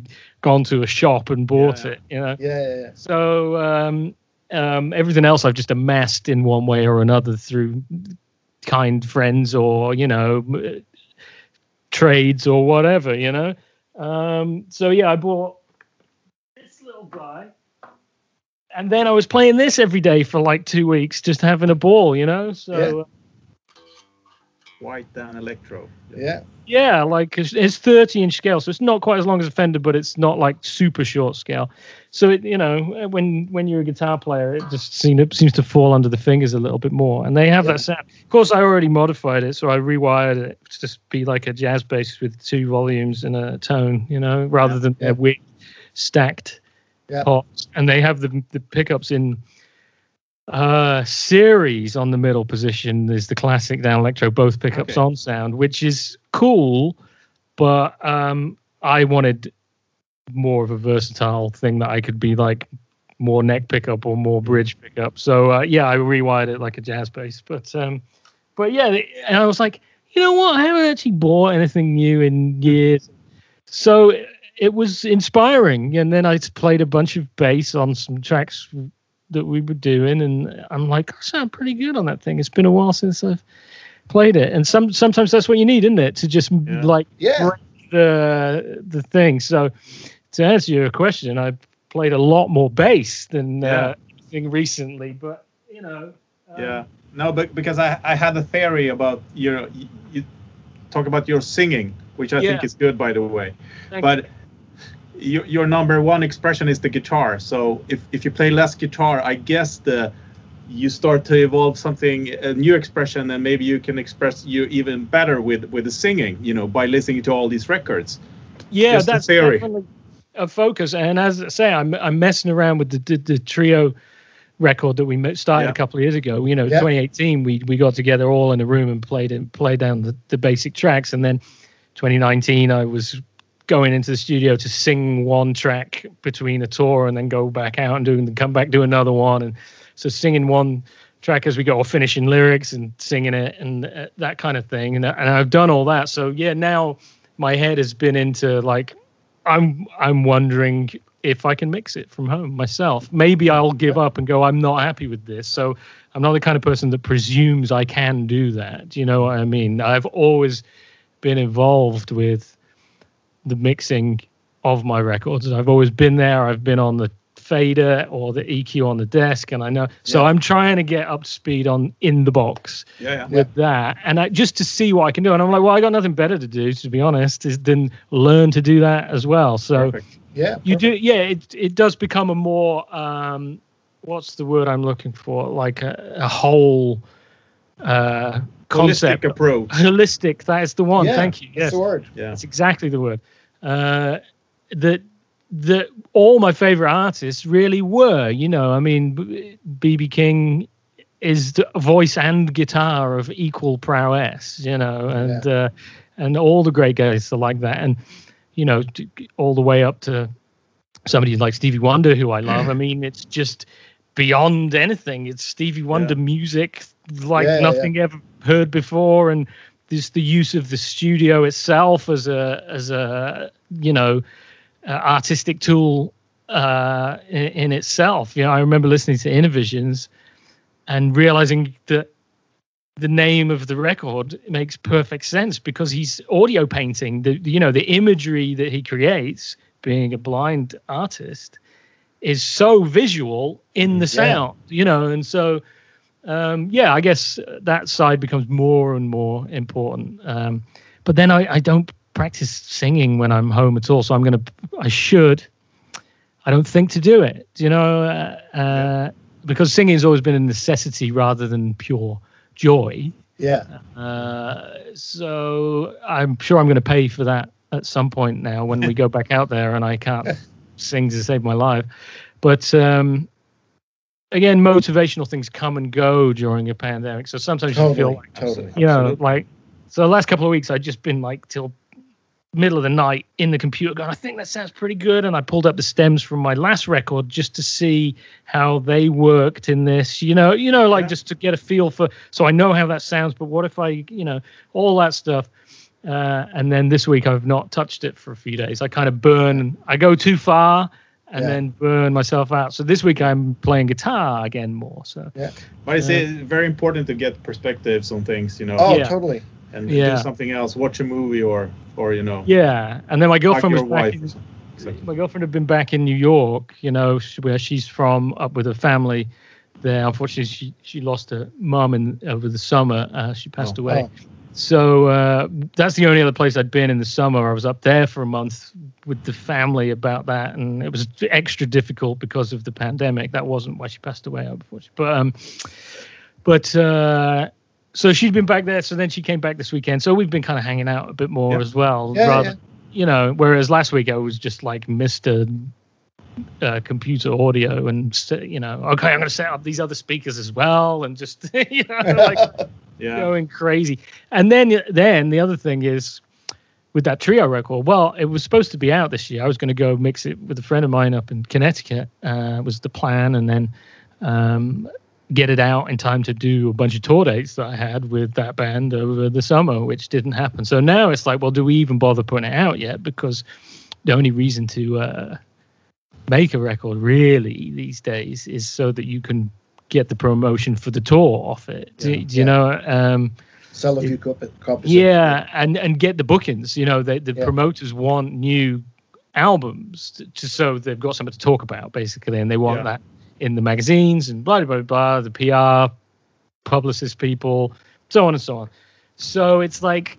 I mean, I honestly don't think I'm going to be touring anything like I've done for the last 20 years until 2022. I just don't see even next year, maybe later in the year. But, you know, I went to a different country every month, Mm. apart from one month of the year. But the, the last two years, I went to a different country every single month. I flew to a completely different place in the world for a, a certain amount of time, and then came home for a couple of weeks, and then went and did that again somewhere else. It was, you know, I did a transatlantic or trans-Pacific flight every single month. Yeah. So that is not going to be happening like that for a considerable amount of time. Yeah, I just no, don't. I mean, there is a chance that it will not happen at all in the future. Yeah, well, yeah. You so know, when it comes to sustainability and all that stuff, because we we spoke to other guitarists as well, and they they say, you know, we're not sure that touring going to look the same, for for mm. good and bad, sort of say. Yeah. yeah, you know, and while that that was cool, and then it was crazy as well. Do you know what I mean? But I sort of loved that life as well, and landing in another country and Yeah. going Yeah. to the hotel, checking in, going for a beer and a bite in a new place. You know, like that kind of. Yep. Um, I missed I missed that. You know, um, going to lose all my airline status, man. You know, you spent spent years building up those. Yeah, uh, yeah. Yeah. British Airways Gold, you know, and stuff. But um, um, I, yeah, who knows, right? So now it's like it's really hard to plan anything. So to well, do I just say fuck it? I'm going to put the record out and put it online, and people can because I know my people keep asking when are you putting a new record out? Yeah, Well, of course. um, but am I dropping the ball with it then and giving it away and not getting the maximum amount of promotion out of it? You know, so um, I might still sit on that trio record for a bit longer until we can tour with that band. That's the Yeah. whole point of the record was that particular lineup with Johnny and Evan that were my original band. Yeah. Um, and uh, so I've just been talking to some people about um, a record, actually with Christine, my girlfriend, uh, singing like a kind of side project and Yeah. something different and uh, with some horns and things like that. So uh, th- that doesn't really matter, you know, if we record it and put it out. It's not with anything in mind other than it being just for itself. Do you know what I mean? Yeah, Whereas the, the, Yeah. the trio record was done with the view of kind of relaunching that band touring in Yeah. Europe. So, Yeah. so It'll uh, happen. Yeah. yeah, there you go. Anyway, I'm talking so much. You got No, me going. great. No, that's- I, I, got, I got a question. When when you talked about songwriting and like spicing up the changes a bit, I uh, I know you talk about uh, about this in your like TrueFire courses and stuff, about playing more over the chords, adding more notes than than only playing the minor and major pentatonic.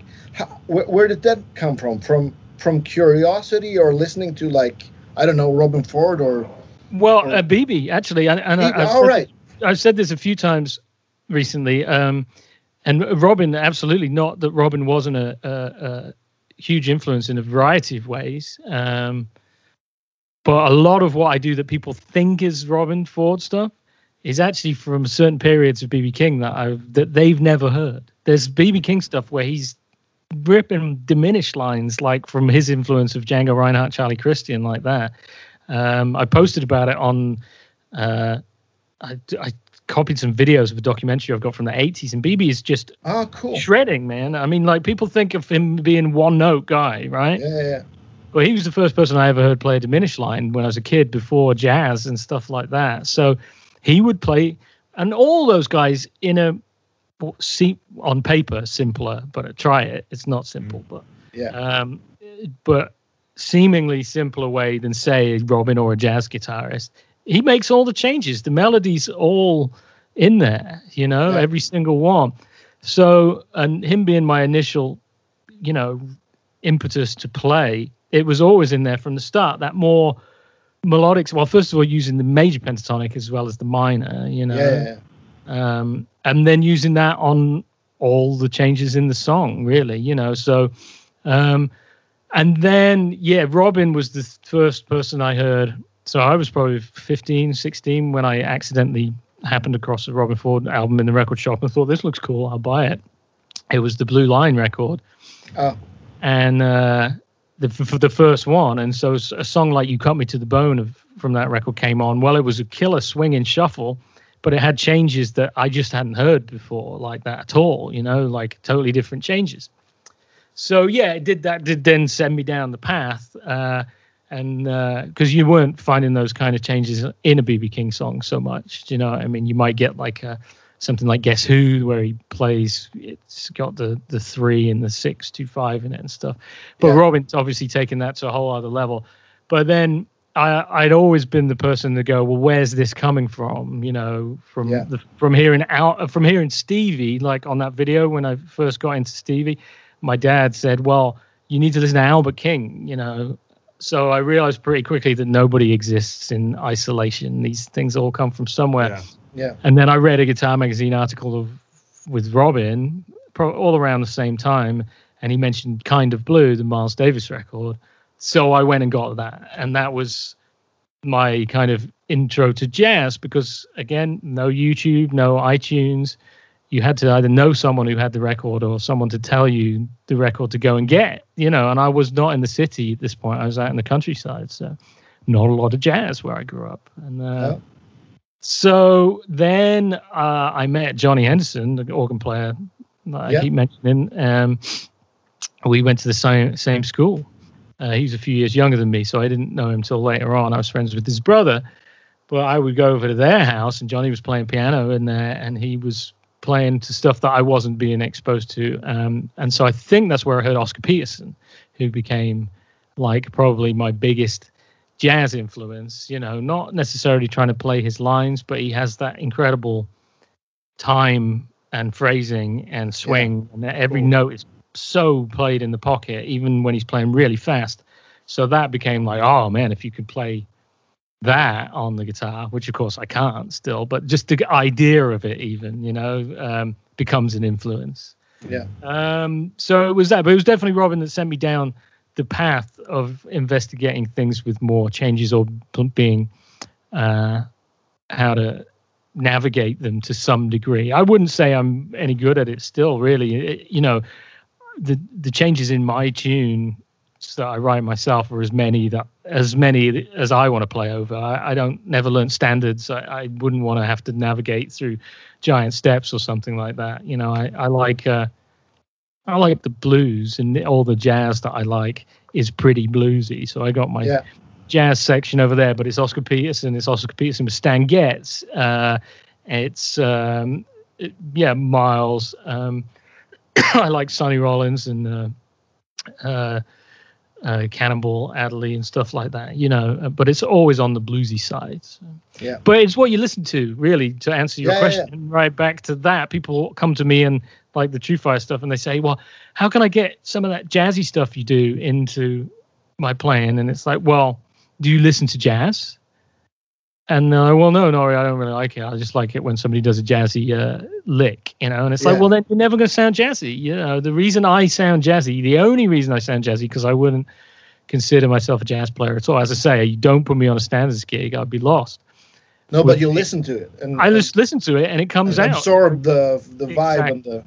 You uh, Do you you think in inform your like, creativity. yeah? Sorry, what were you saying? I'm sorry. I, I, I'm, I'm just curious. Do you think in terms of like, uh, like okay, I'm gonna like doing triads or arpeggios or to outline chords or No, not really. I sort of.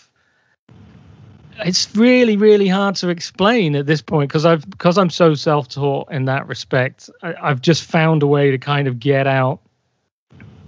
I know what what I know what the note will sound like if I play it on the neck. I've played it so many times, I guess, so I can sing something bluesy within my vocabulary and know how to play it. If, so I know if I go from that note to that note on it's so it's intervals to some degrees, you know. Yeah. So I'm, I'm trying to think of the melody that I want to get out all in a split second, I suppose. Combination of muscle memory and vocabulary, Mm. and then what you're trying to. Uh, I mean, I'm main, mainly thinking of trying to create a sensation, a feeling, because when I listen to the music I love, I uh, it physically makes you know I screw up my face listening to Albert King as well as playing it. It- it- Yeah. It's so that's more. I'm more trying to create an effect of sound, if you know what I mean, an emotion of of it. And so then, in some ways, technically, I know if I do that, it'll do that. Uh, it- Yeah. it's not. It's not super technically thought out. That's a strength and a weakness. Do you know what I mean? I could go more. yeah, I, I totally. go down, more down that path. I'm a horrible session guitarist. I can't play things on demand. I can't play things exactly the same way twice. I, I was never good at doing sessions where they say, "Hey, can you just play that part, but more like this?" No, I can't. No, I can't play the part more like that. I can play the part how it comes out right now, and I can play it how it comes out again in five minutes, and it'll be slightly Yeah. different. It'll be the same kind of idea, but I'm not a deliver on demand kind of player. So uh, yeah, it, some of it's just knowing stuff after years. So it's a slow way of learning to play, I think, but your limitations become your strengths and you if you accept yourself for that and go okay well you know eric clapton uh, wouldn't be able to play well on jazz standards either but if you No. ask any person in the world in the street name a famous guitar player he's likely to get mentioned pretty quickly you know so totally. there's maybe there's something more important than just uh just that stuff you know yeah, it's Um, all about expression. Yeah, and you may, you know, when I was a teenager, you do think, oh, maybe I should get more into jazz, and uh, and I ended up learning how it works. Do you know what I mean? I know my changes and degrees of the scale and the modes and things, but but really, ninety percent of what I do, and this is straight up, is not complicated. It's major and minor pentatonics, both of them, and then by major pentatonic, I mean absolutely treat it as its own thing, not thinking of it as like the minor pentatonic, but three frets down. Do you know what I mean? Yeah. Because that's Yeah, yeah. how many of us encounter it, but that's not giving it its true uh the, the service it requires. You know, it's its own thing, and it's a sound you should be able to conjure in your mind the same way as you can conjure the minor pentatonic in your mind putting those together on dominant seventh chords, which most of my songs are, most blues are, you kind of end up with a mixolydian sound. Really, is both of those things. Um, and then just changing that with each chord. So you could say on a regular blues, like if you play the mixolydian on and on each chord, so an A mixolydian, D mixolydian, E mixolydian on um, on a 12 bar blues in A, you're like already getting close to most of the notes that I would use most of the time. If you really wanted to like drum it down, that's so that in some ways is in the back of my mind is I know those all those notes work on this chord and I know all those notes work on this chord. It's, it's obviously a simplified version, but that is basically what's going on. And then I know I can get between those two scales, perhaps with the changes with a choice of things, which should be okay. There, you could use the diminished or something like that. And uh, it's not rocket science. It's uh, mostly what you listen to, and then knowing where those to find those things. You know, again, when I do clinics, so often these days people have come up on tab and they've come up playing to backing tracks, and they want to know what scales you use. But it's like, well, that's the wrong question to ask. The question is, what do I want to sound like? Mm. If you know, the scales will not tell you. Uh, they don't make music. You make music. The scales can tell you what note would work, Yeah. Yeah. what note can work, Yeah. and but uh, but you have to. The tab won't tell you how to make music. It'll tell you where to put your fingers. So it's so often it's like you're you're using e- or people are kind of barking up the wrong tree and using every sense available to them visual uh, physical touch on the instrument knowing where to put their finger. They're using all of those except their ears. It's like that's, that's one and it's like so but it's what you're playing sounds horrible. So uh But it's right. but but i learned But the it's scale good. But I learned the scale, and it's like, Yeah. but the scale doesn't tell you about music. It tells you No. what notes could work. But so yeah, it's yeah, scales is it's like an alphabet. It doesn't write Yeah. a beautiful poem or a yes, interesting book. and then licks as well. I get asked about licks, and I'm like, well, I don't really have any licks. I have phrases that are part of my vocabulary that I might reach for regularly because I want to have a style, a sound. So you actually Yeah, want to recognizable motifs. But the idea of like some of the TrueFire stuff, I've had to say to him, I can't teach licks like stock. Like here's one, and we learn this one thing over and over till we've got it as as a single thing. I'm like, I don't even play like that. I don't even know how to decide something is a lick. You have to learn a vocabulary. Licks to me are like, you know, if I was to come to Sweden and buy the Sweden guidebook of, uh, you know, how to ask for a cup of coffee, you know, I might be able to mispronounce a sentence enough to be able to order Yeah, a cup yeah, of coffee, Yeah. right? But I don't know how that sentence is put together from the guidebook. It tells you a line to say, well, that's not really speaking the language, is it? You know, so learning licks or just note for note tabs and stuff like that is not really learning the language. And more than any other uh, Western musical art form, I think the blues is a language. It's the one Yeah. that's informed the vocabulary of all the music that's happened here since it was created, including jazz and rock and soul and funk. So more than any others, it's the it's the core language. And yes, you have to learn the alphabet and the grammar of, of how to assemble the words and all those kind of things. If you want to play it convincingly, that's the only way to do it, I think. So, Great answer. Thank you. I, could, would it be possible to talk a bit about the beautiful guitars you have behind you? yeah, yeah. Well, we maybe can- we can show that to our, our listeners too, and they'll become our Sure. viewers. We can we can start with this guy. Is my 61 that I've had 20 years now, um, and uh, it's the benchmark, you know, for for everything. It's been refretted a bunch of times. Uh, 6100s in there. Most recently refretted by um, Holger Notzel in uh, Baton Rouge, Louisiana. He's Comet, Comet Amps. Yeah. yeah. Ah, Well, he's He's a friend of mine. yeah, he's a great guy, and uh, he was recommended uh, by a couple of friends from working on their guitars. Tracy Farmer's a friend of ours, and Jeff McErlain uh, sent his old Strat down. And this one, you know, was due for another fret job. It's, I've probably had about four done on it in 20 years, you know. And it, as I say, it was my only guitar for like Yeah, yeah. 10 first 10 years I had it, so it got played a lot. Uh, and you know, it before me, it had a couple of horrible fret jobs in its life where somebody had like just pulled them out and split the board. You, so it's far from uh, immaculate, but Holger did a wonderful job. Um, so it has it's had the best fret job it's it's had now by him, and it, it plays better than ever. It's uh, Cool. Just wonderful, and um, yeah, it's um, this this is the benchmark, you know, for everything, and I Yeah. I, I, I love it. Um, and it was much cleaner than that when when I got it. It didn't it had you know a couple of little things and this weird thing here where that's actually been like glued back in this little sliver of wood. I don't know. It had you know 30 years of life before me. So Yeah. um, then uh, what's this one? There's a couple still in cases over there. This one's an interesting one. One of the first SVLs that Simon made for me around 2010, Ashbody uh, Hardtail, and uh, uh, this one got signed by this guy, so uh, BB King. So this is the only time I've ever had anything signed like that. But we did the North Sea Jazz Festival together in 2011, and uh, he was he was 85 and he came in in a wheelchair and I didn't want to bother him and uh, he went to his dressing room and I'm like spinning out. Oh my god the BB's just right there you know?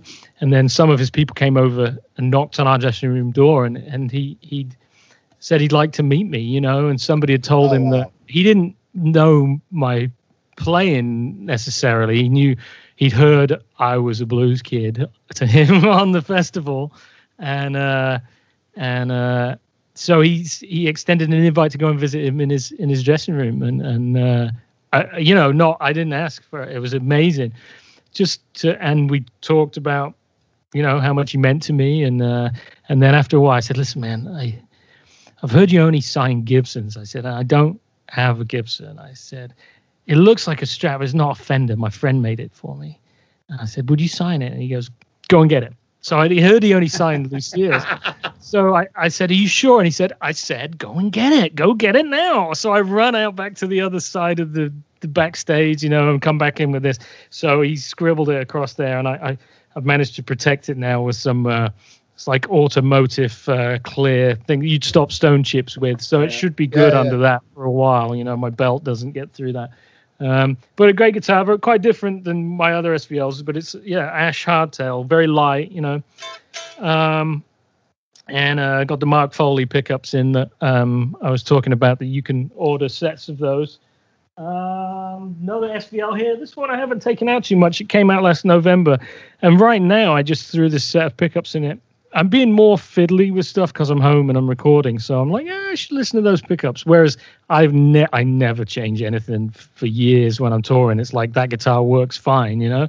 Yeah. So I did. I've had these pickups on the scratch plate for a while. They're uh, Zexcoil noiseless pickups uh, Oh. that the dude sent to me a while back, and I tried them a few times. So they, I'm not so keen on that like lace sensor look without the pole pieces. I'm a bit Yeah. of a traditionalist for that. But I gotta tell you, they sound great. Uh, I mean, they really sound great. They sound like old Strat pickups, but sort of maybe slightly even clearer still or something. But this, yeah, it's another SVL that Simon made probably about five years ago. Kind of that faded cream, like uh, I always like the one on the cover of Live Alive that Stevie Ray had. That Yeah. the, the butterscotch Strat. That's I thought that was my favorite of Strats actually. Uh, what else? This one is my most recent touring SVL, um, Georgia Blue. Simon's baby daughter is Georgia, so and it's a really just a really cool. Uh, it's a Porsche color. Yeah, Ah, it's an right. amazing color. It's almost So- like Yeah. a mirror. yeah, yeah, Yeah, it's like um, some people go, oh, "Is it Lake Placid blue?" When you're close, um, but it's more more turquoise in there than that, but also dark. Yeah, it's like more pearlescent than uh, thing, but it's yeah, it's an old Porsche 911 color. Like Yeah. my Ah, cool. other, my first blue Strat that Simon made me ten or twelve years ago, whenever it was the Daytona guitar, was called that because it was the blue from a Ferrari Daytona. So we're car Oh, nerds as yeah, well, yeah. you know. So it's always like that's a cool color. Let's do that. But he did he didn't tell tell me about this one that he was brewing up. Um, and I think this one is ash as well, although it doesn't sound anything like the ash hardtail. The ash hardtail sounds much more like uh, uh, telly-ish, you know, which is- you'd expect, no trem and Yeah. ash body. Yeah. But uh, this uh, this one sounds actually very close to my 61. Strangely enough, I have my other SVL back there, the Sunburst one that's been was my touring guitar from like 2013. Um, that one uh, is another great SVL, but very much in that. This one and that one are very much in the mold of the 61, but to go out with me. Um, other cool things. Get this this show my ass to everybody there. Sorry about that. Um, this is um, my friend here. It's just something uh, he kind of came up with this idea recently. He's a guy called Marty up in Port St. Lucie. Um, no website or anything to mention about this guy. He's he's the he's a local uh, luthier and tech, and so he's the guy who found finally found someone I really like to work on my guitars here. Simon Law being the only guy that's worked on stuff for Yeah. years Yeah. and years and years. Uh, and so I'm real picky, you know, and I needed a refret on one of the SVLs, and I, I'm I'm over here now. So I got recommended to to Mar- Marty got recommended to me. I went up to see him. We got chatting, and uh, I'd been to recently down a uh, meet Jim Hamilton, who made Hamilton guitar, Stevie Ray's Yeah. guitar with Yeah. the, Oh, yeah, the yeah, name yeah. down the neck. Turns out he lived down in Fort Lauderdale, uh, down the road, and and so I went over and met him. He was been through some different health things, so he wasn't making guitars, you know. But we got chatting about that, and then I was chatting with Marty about that. Turns out Marty was from Buffalo, uh, New York, where Jim's from originally, and Marty used to take his guitars to Jim to be worked on back in the old days Hmm. when he was a kid. So he kind of the first luthier he knew was Jim Hamilton. Now Marty's one himself, builds guitars, you know. So um, we got chatting about that, and he comes up with this idea that Hamilton was a completely through neck, you know. Um, Yeah. Well, we didn't want to make a copy of it. We could have Jim make one if we want to get one of those exactly. But Marty thought, let us try something. So this guitar, the light, sorry, it's Oh, so yeah, bright yeah. outside of my apartment that the lights funny, but Yeah. it's uh, there you go. There you go. Yeah.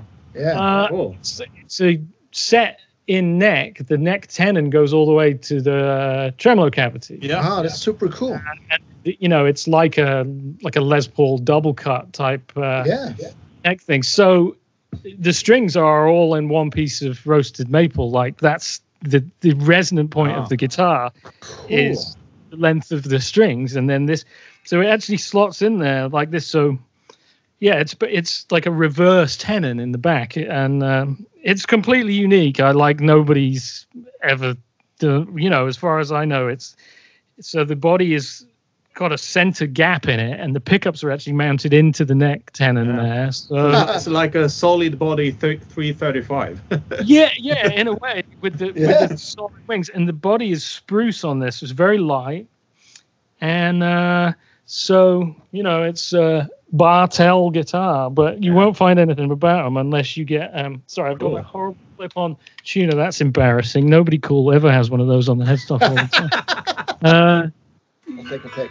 Yeah, so it's the you know good luck finding anything out about that, Yeah. but. Uh, he's the, this dude with in in Port St. Lucie that has crazy ideas and uh, cool. anyway he just so he just started making one and and he's like check it out take it go and see what you think simple as that you know no great uh, uh we discussed the color a bit and stuff and it was like a nice piece of spruce so it's kind of translucent still you know it's got a nice grain on it and you know decided that unfortunately excuse me my seltzer water sorry It's all right. um, unfortunately, uh, I haven't got any gigs, so I don't even know what it sounds like in battle. Do you know what I mean? Like, Yeah. it sounds great when I plug it in. It sounds mostly like a Strat, actually, is what it sounds yeah. like. Of course, It- with, with- as soon as you put three pickups in there, um, that's what you get. But uh, you know, in terms of actual response, I w- really won't know until I'm stood in front of my amplifier and I can go, Yeah. oh, okay, this has, this does this, you know, like this has got this thing going on. Just as I know with the, the ash body hardtail, it's like sits in a different place in the in the in the mix, you know. Um, uh, than the older bodies do. They just it's different frequency range. So who knows with this? Like, there's I really what can't tell till I stand next to a real drum kit and an amp. That, yeah. yeah. but it's very cool, and it was just you know one of those things you just get in a conversation with another guitar nerd. And uh, except in my case, next thing you know, he's like, "Come and check it out! I made it." You know. so, Awesome. so just, just done another one. I haven't been up there because I've, you know, it's just much more complicated at the moment, even going half an hour up the road. Um, so he's done another one with a different body wood. I don't know. That's even lighter. I can't rem- even remember what it is. This one's spruce, I think. But um, so there's that. Um, we got a few more of these days. Hang on. Yeah. See, this is th- this one, and there's one right back there as well. Uh, the red one against the wall. Oh, cool. This is uh, also they're both JJ guitars by my good mate Jeff Guilford from the UK, JJ Guitars, Oh, cool. and um, Jeff's a wonderful guy. Uh, started coming to my gigs because he liked the band, you know, probably about 15 years ago, and then got to know him. He'd always buy us a beer, you know, after the gig. This guy, really lovely guy. And eventually, he mentions that he makes guitars, and I'm like, well, okay. And then he's super unassuming about it. So he goes, "Oh, do you mind? Would maybe I could bring one to a sound check sometime, and you could check it out." And I'm like, "Yeah, sure, man. I'd be happy to." Um, so he brings him. His his workmanship is incredible. This guy. So JJ Guitars in in uh, uh, Northampton way. He's up up towards there in the UK. So this one, so I have the the dual, which is a double cut kind of thing, um, P90s. Not really my sound, and I've always said this to Jeff. I'm like, you don't, he doesn't really make the kind of uh, straight up. This is what I say to him. You know, we don't really make the kind of guitars that I use, Jeff, but the, they're so good, I can't help but like them. Do you know? It- So it's always been like they're very different than anything else. They're they're much more your solid body two pickup mahogany The type little guitar. Symantis uh, style, that, that one. Yeah, yeah, right. This for sure. This one is Korina Yeah. because it was Oh. Yeah. myself, Jeff, and Simon from SVL was kind of involved in some uh, thoughts on this one. Uh, we got talking about Albert King's Korina Flying V, Mm. and I think Jeff Jeff's like a wood junkie. He's got like stashes of incredible wood in his workshop, and he was like, "Oh, I've got some nice Korina. I'll make something up." You know. So the next thing you know, he comes to the comes to the gig, and uh, he's got this one, and it's got mini humbuckers. I really love mini humbuckers. So uh, anyway, I pulled this one out because on the new TrueFire course we were talking about Albert King, and I thought I never play anything different. I'll take the JJ, and it's it's just got that sound.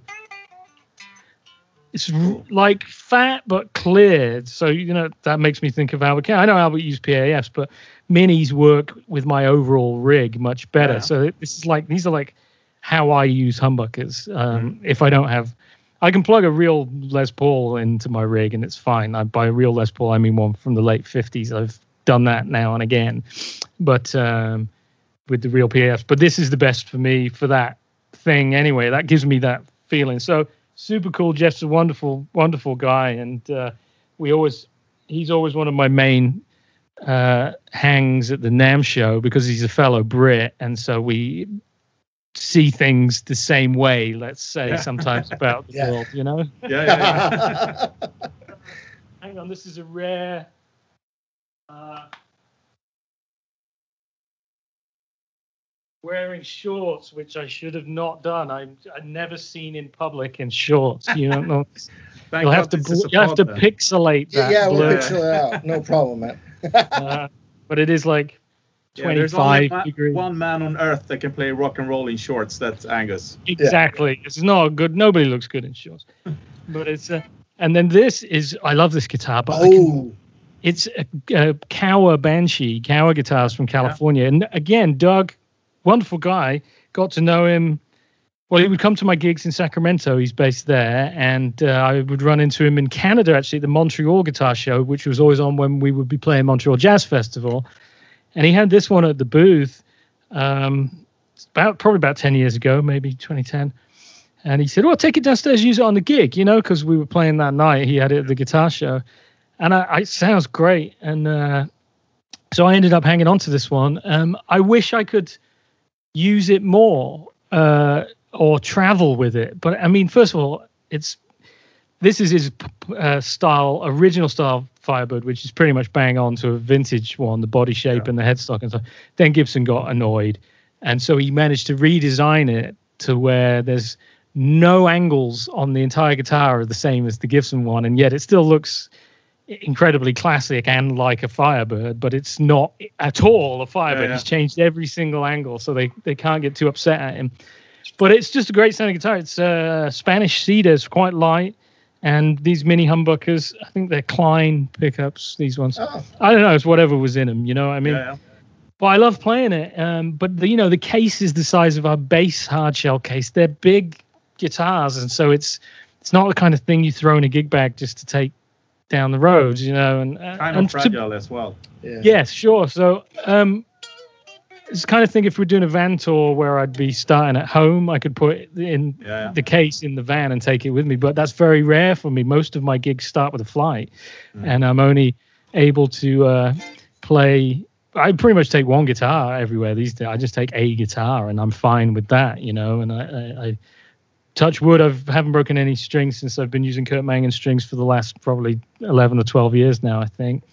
Um, so I don't have any problems with that. So I just take one one of the SVL strats usually. But locally, if we're going out, I'll take this and the old strat or something. But it's such a really great, really really great sounding guitar, and it really sounds like an old guitar. This one, for whatever reason, my friend Jeff Prine, one of my best friends, wonderful guy from Fort Lauderdale, originally from New York. He's been down here.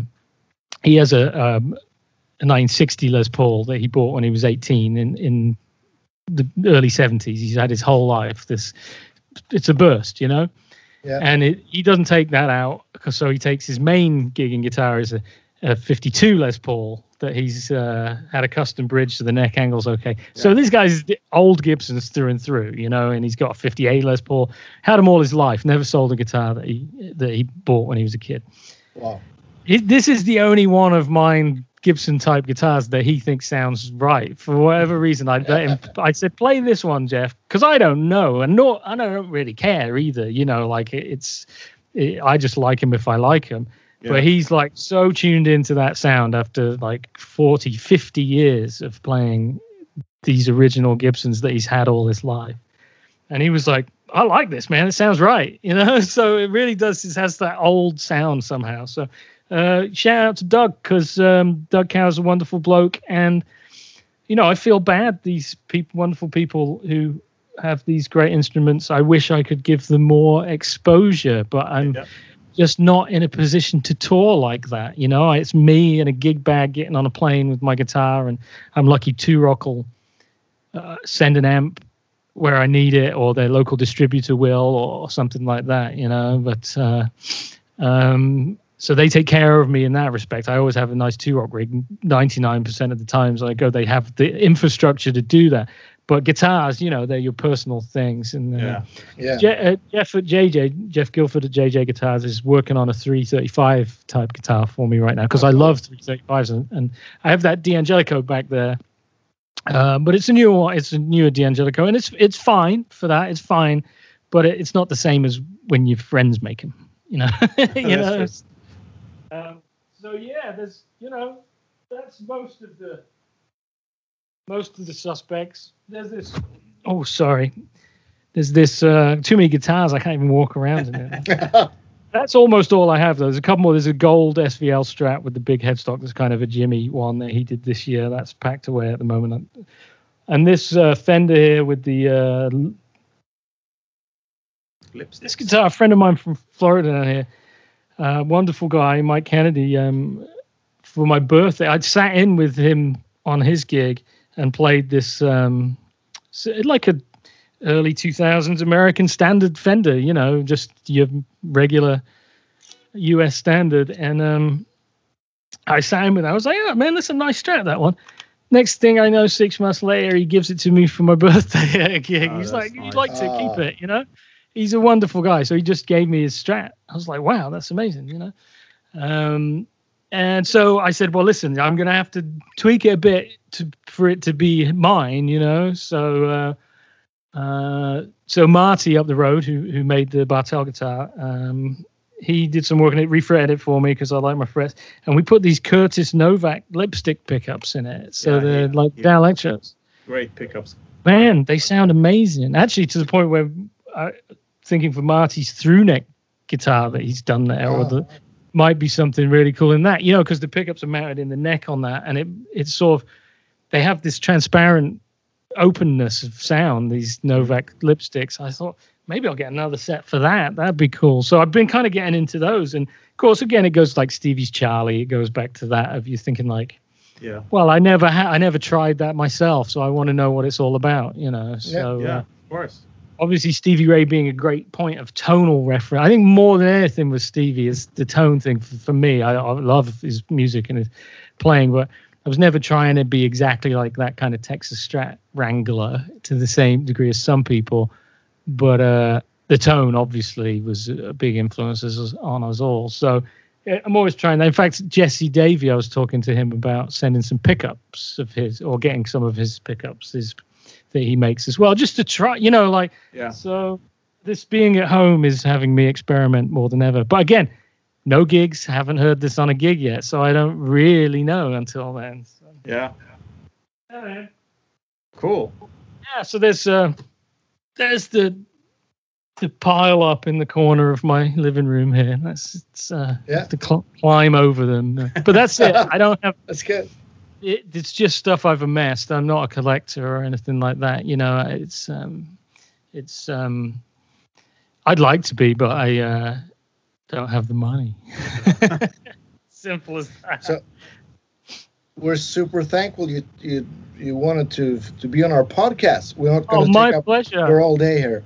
I've I've enjoyed it. Yeah, it's been two hours. Once I get started, man, you won't shut me up. Yeah, you know, I love talking yeah. about music, guitars, That's and what we. So love as well. We too. thanks for thanks for letting me talk the whole time. You know. Oh, Our pleasure. our pleasure. For So sure. will any of the like the new TrueFire courses be out for like Christmas or something? I, you know? I don't think so. I don't think they're going to make it in time. I would just recorded them two weeks, and it normally takes. oh, there's, right. there's a f- uh, recorded them two weeks ago. Sorry, I should say. Yeah. Uh, so it takes uh, yeah um, quite a few months to turn around. They got to edit. They have to have somebody do the transcriptions and Yeah.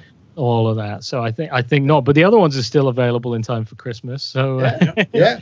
it would it would help. Uh, my Christmas be better if people went and got some. Yes. Well, well, we can share some of your your TrueFire courses on our our uh, That would be Facebook great. page. Yeah, and you know, if, if, if through my website we get a bigger cut I should say they're they're happy for All us right. to talk about that. Yeah. They have a deal structure that if uh, if the purchase comes from my end, Yeah. uh, I get the biggest share. You know, and if, if it comes Absolutely. to So their we'll- mailing we'll list, Push for your website, definitely. Yes, Yes, please do. yes, They're, yes, they're we will. all there, and um, that really, basically, for a lot of us, that's what's keeping a lot of us going without Yeah. any No, uh, but additional that's the least we support. can do. Absolutely. Yeah, of course, man. Very grateful to everybody that understands the predicament that we're, li- as lifelong touring guys, are. Um, the rug has been completely pulled out from underneath Yeah. us. Hands tied. Yeah, yeah, exactly. So.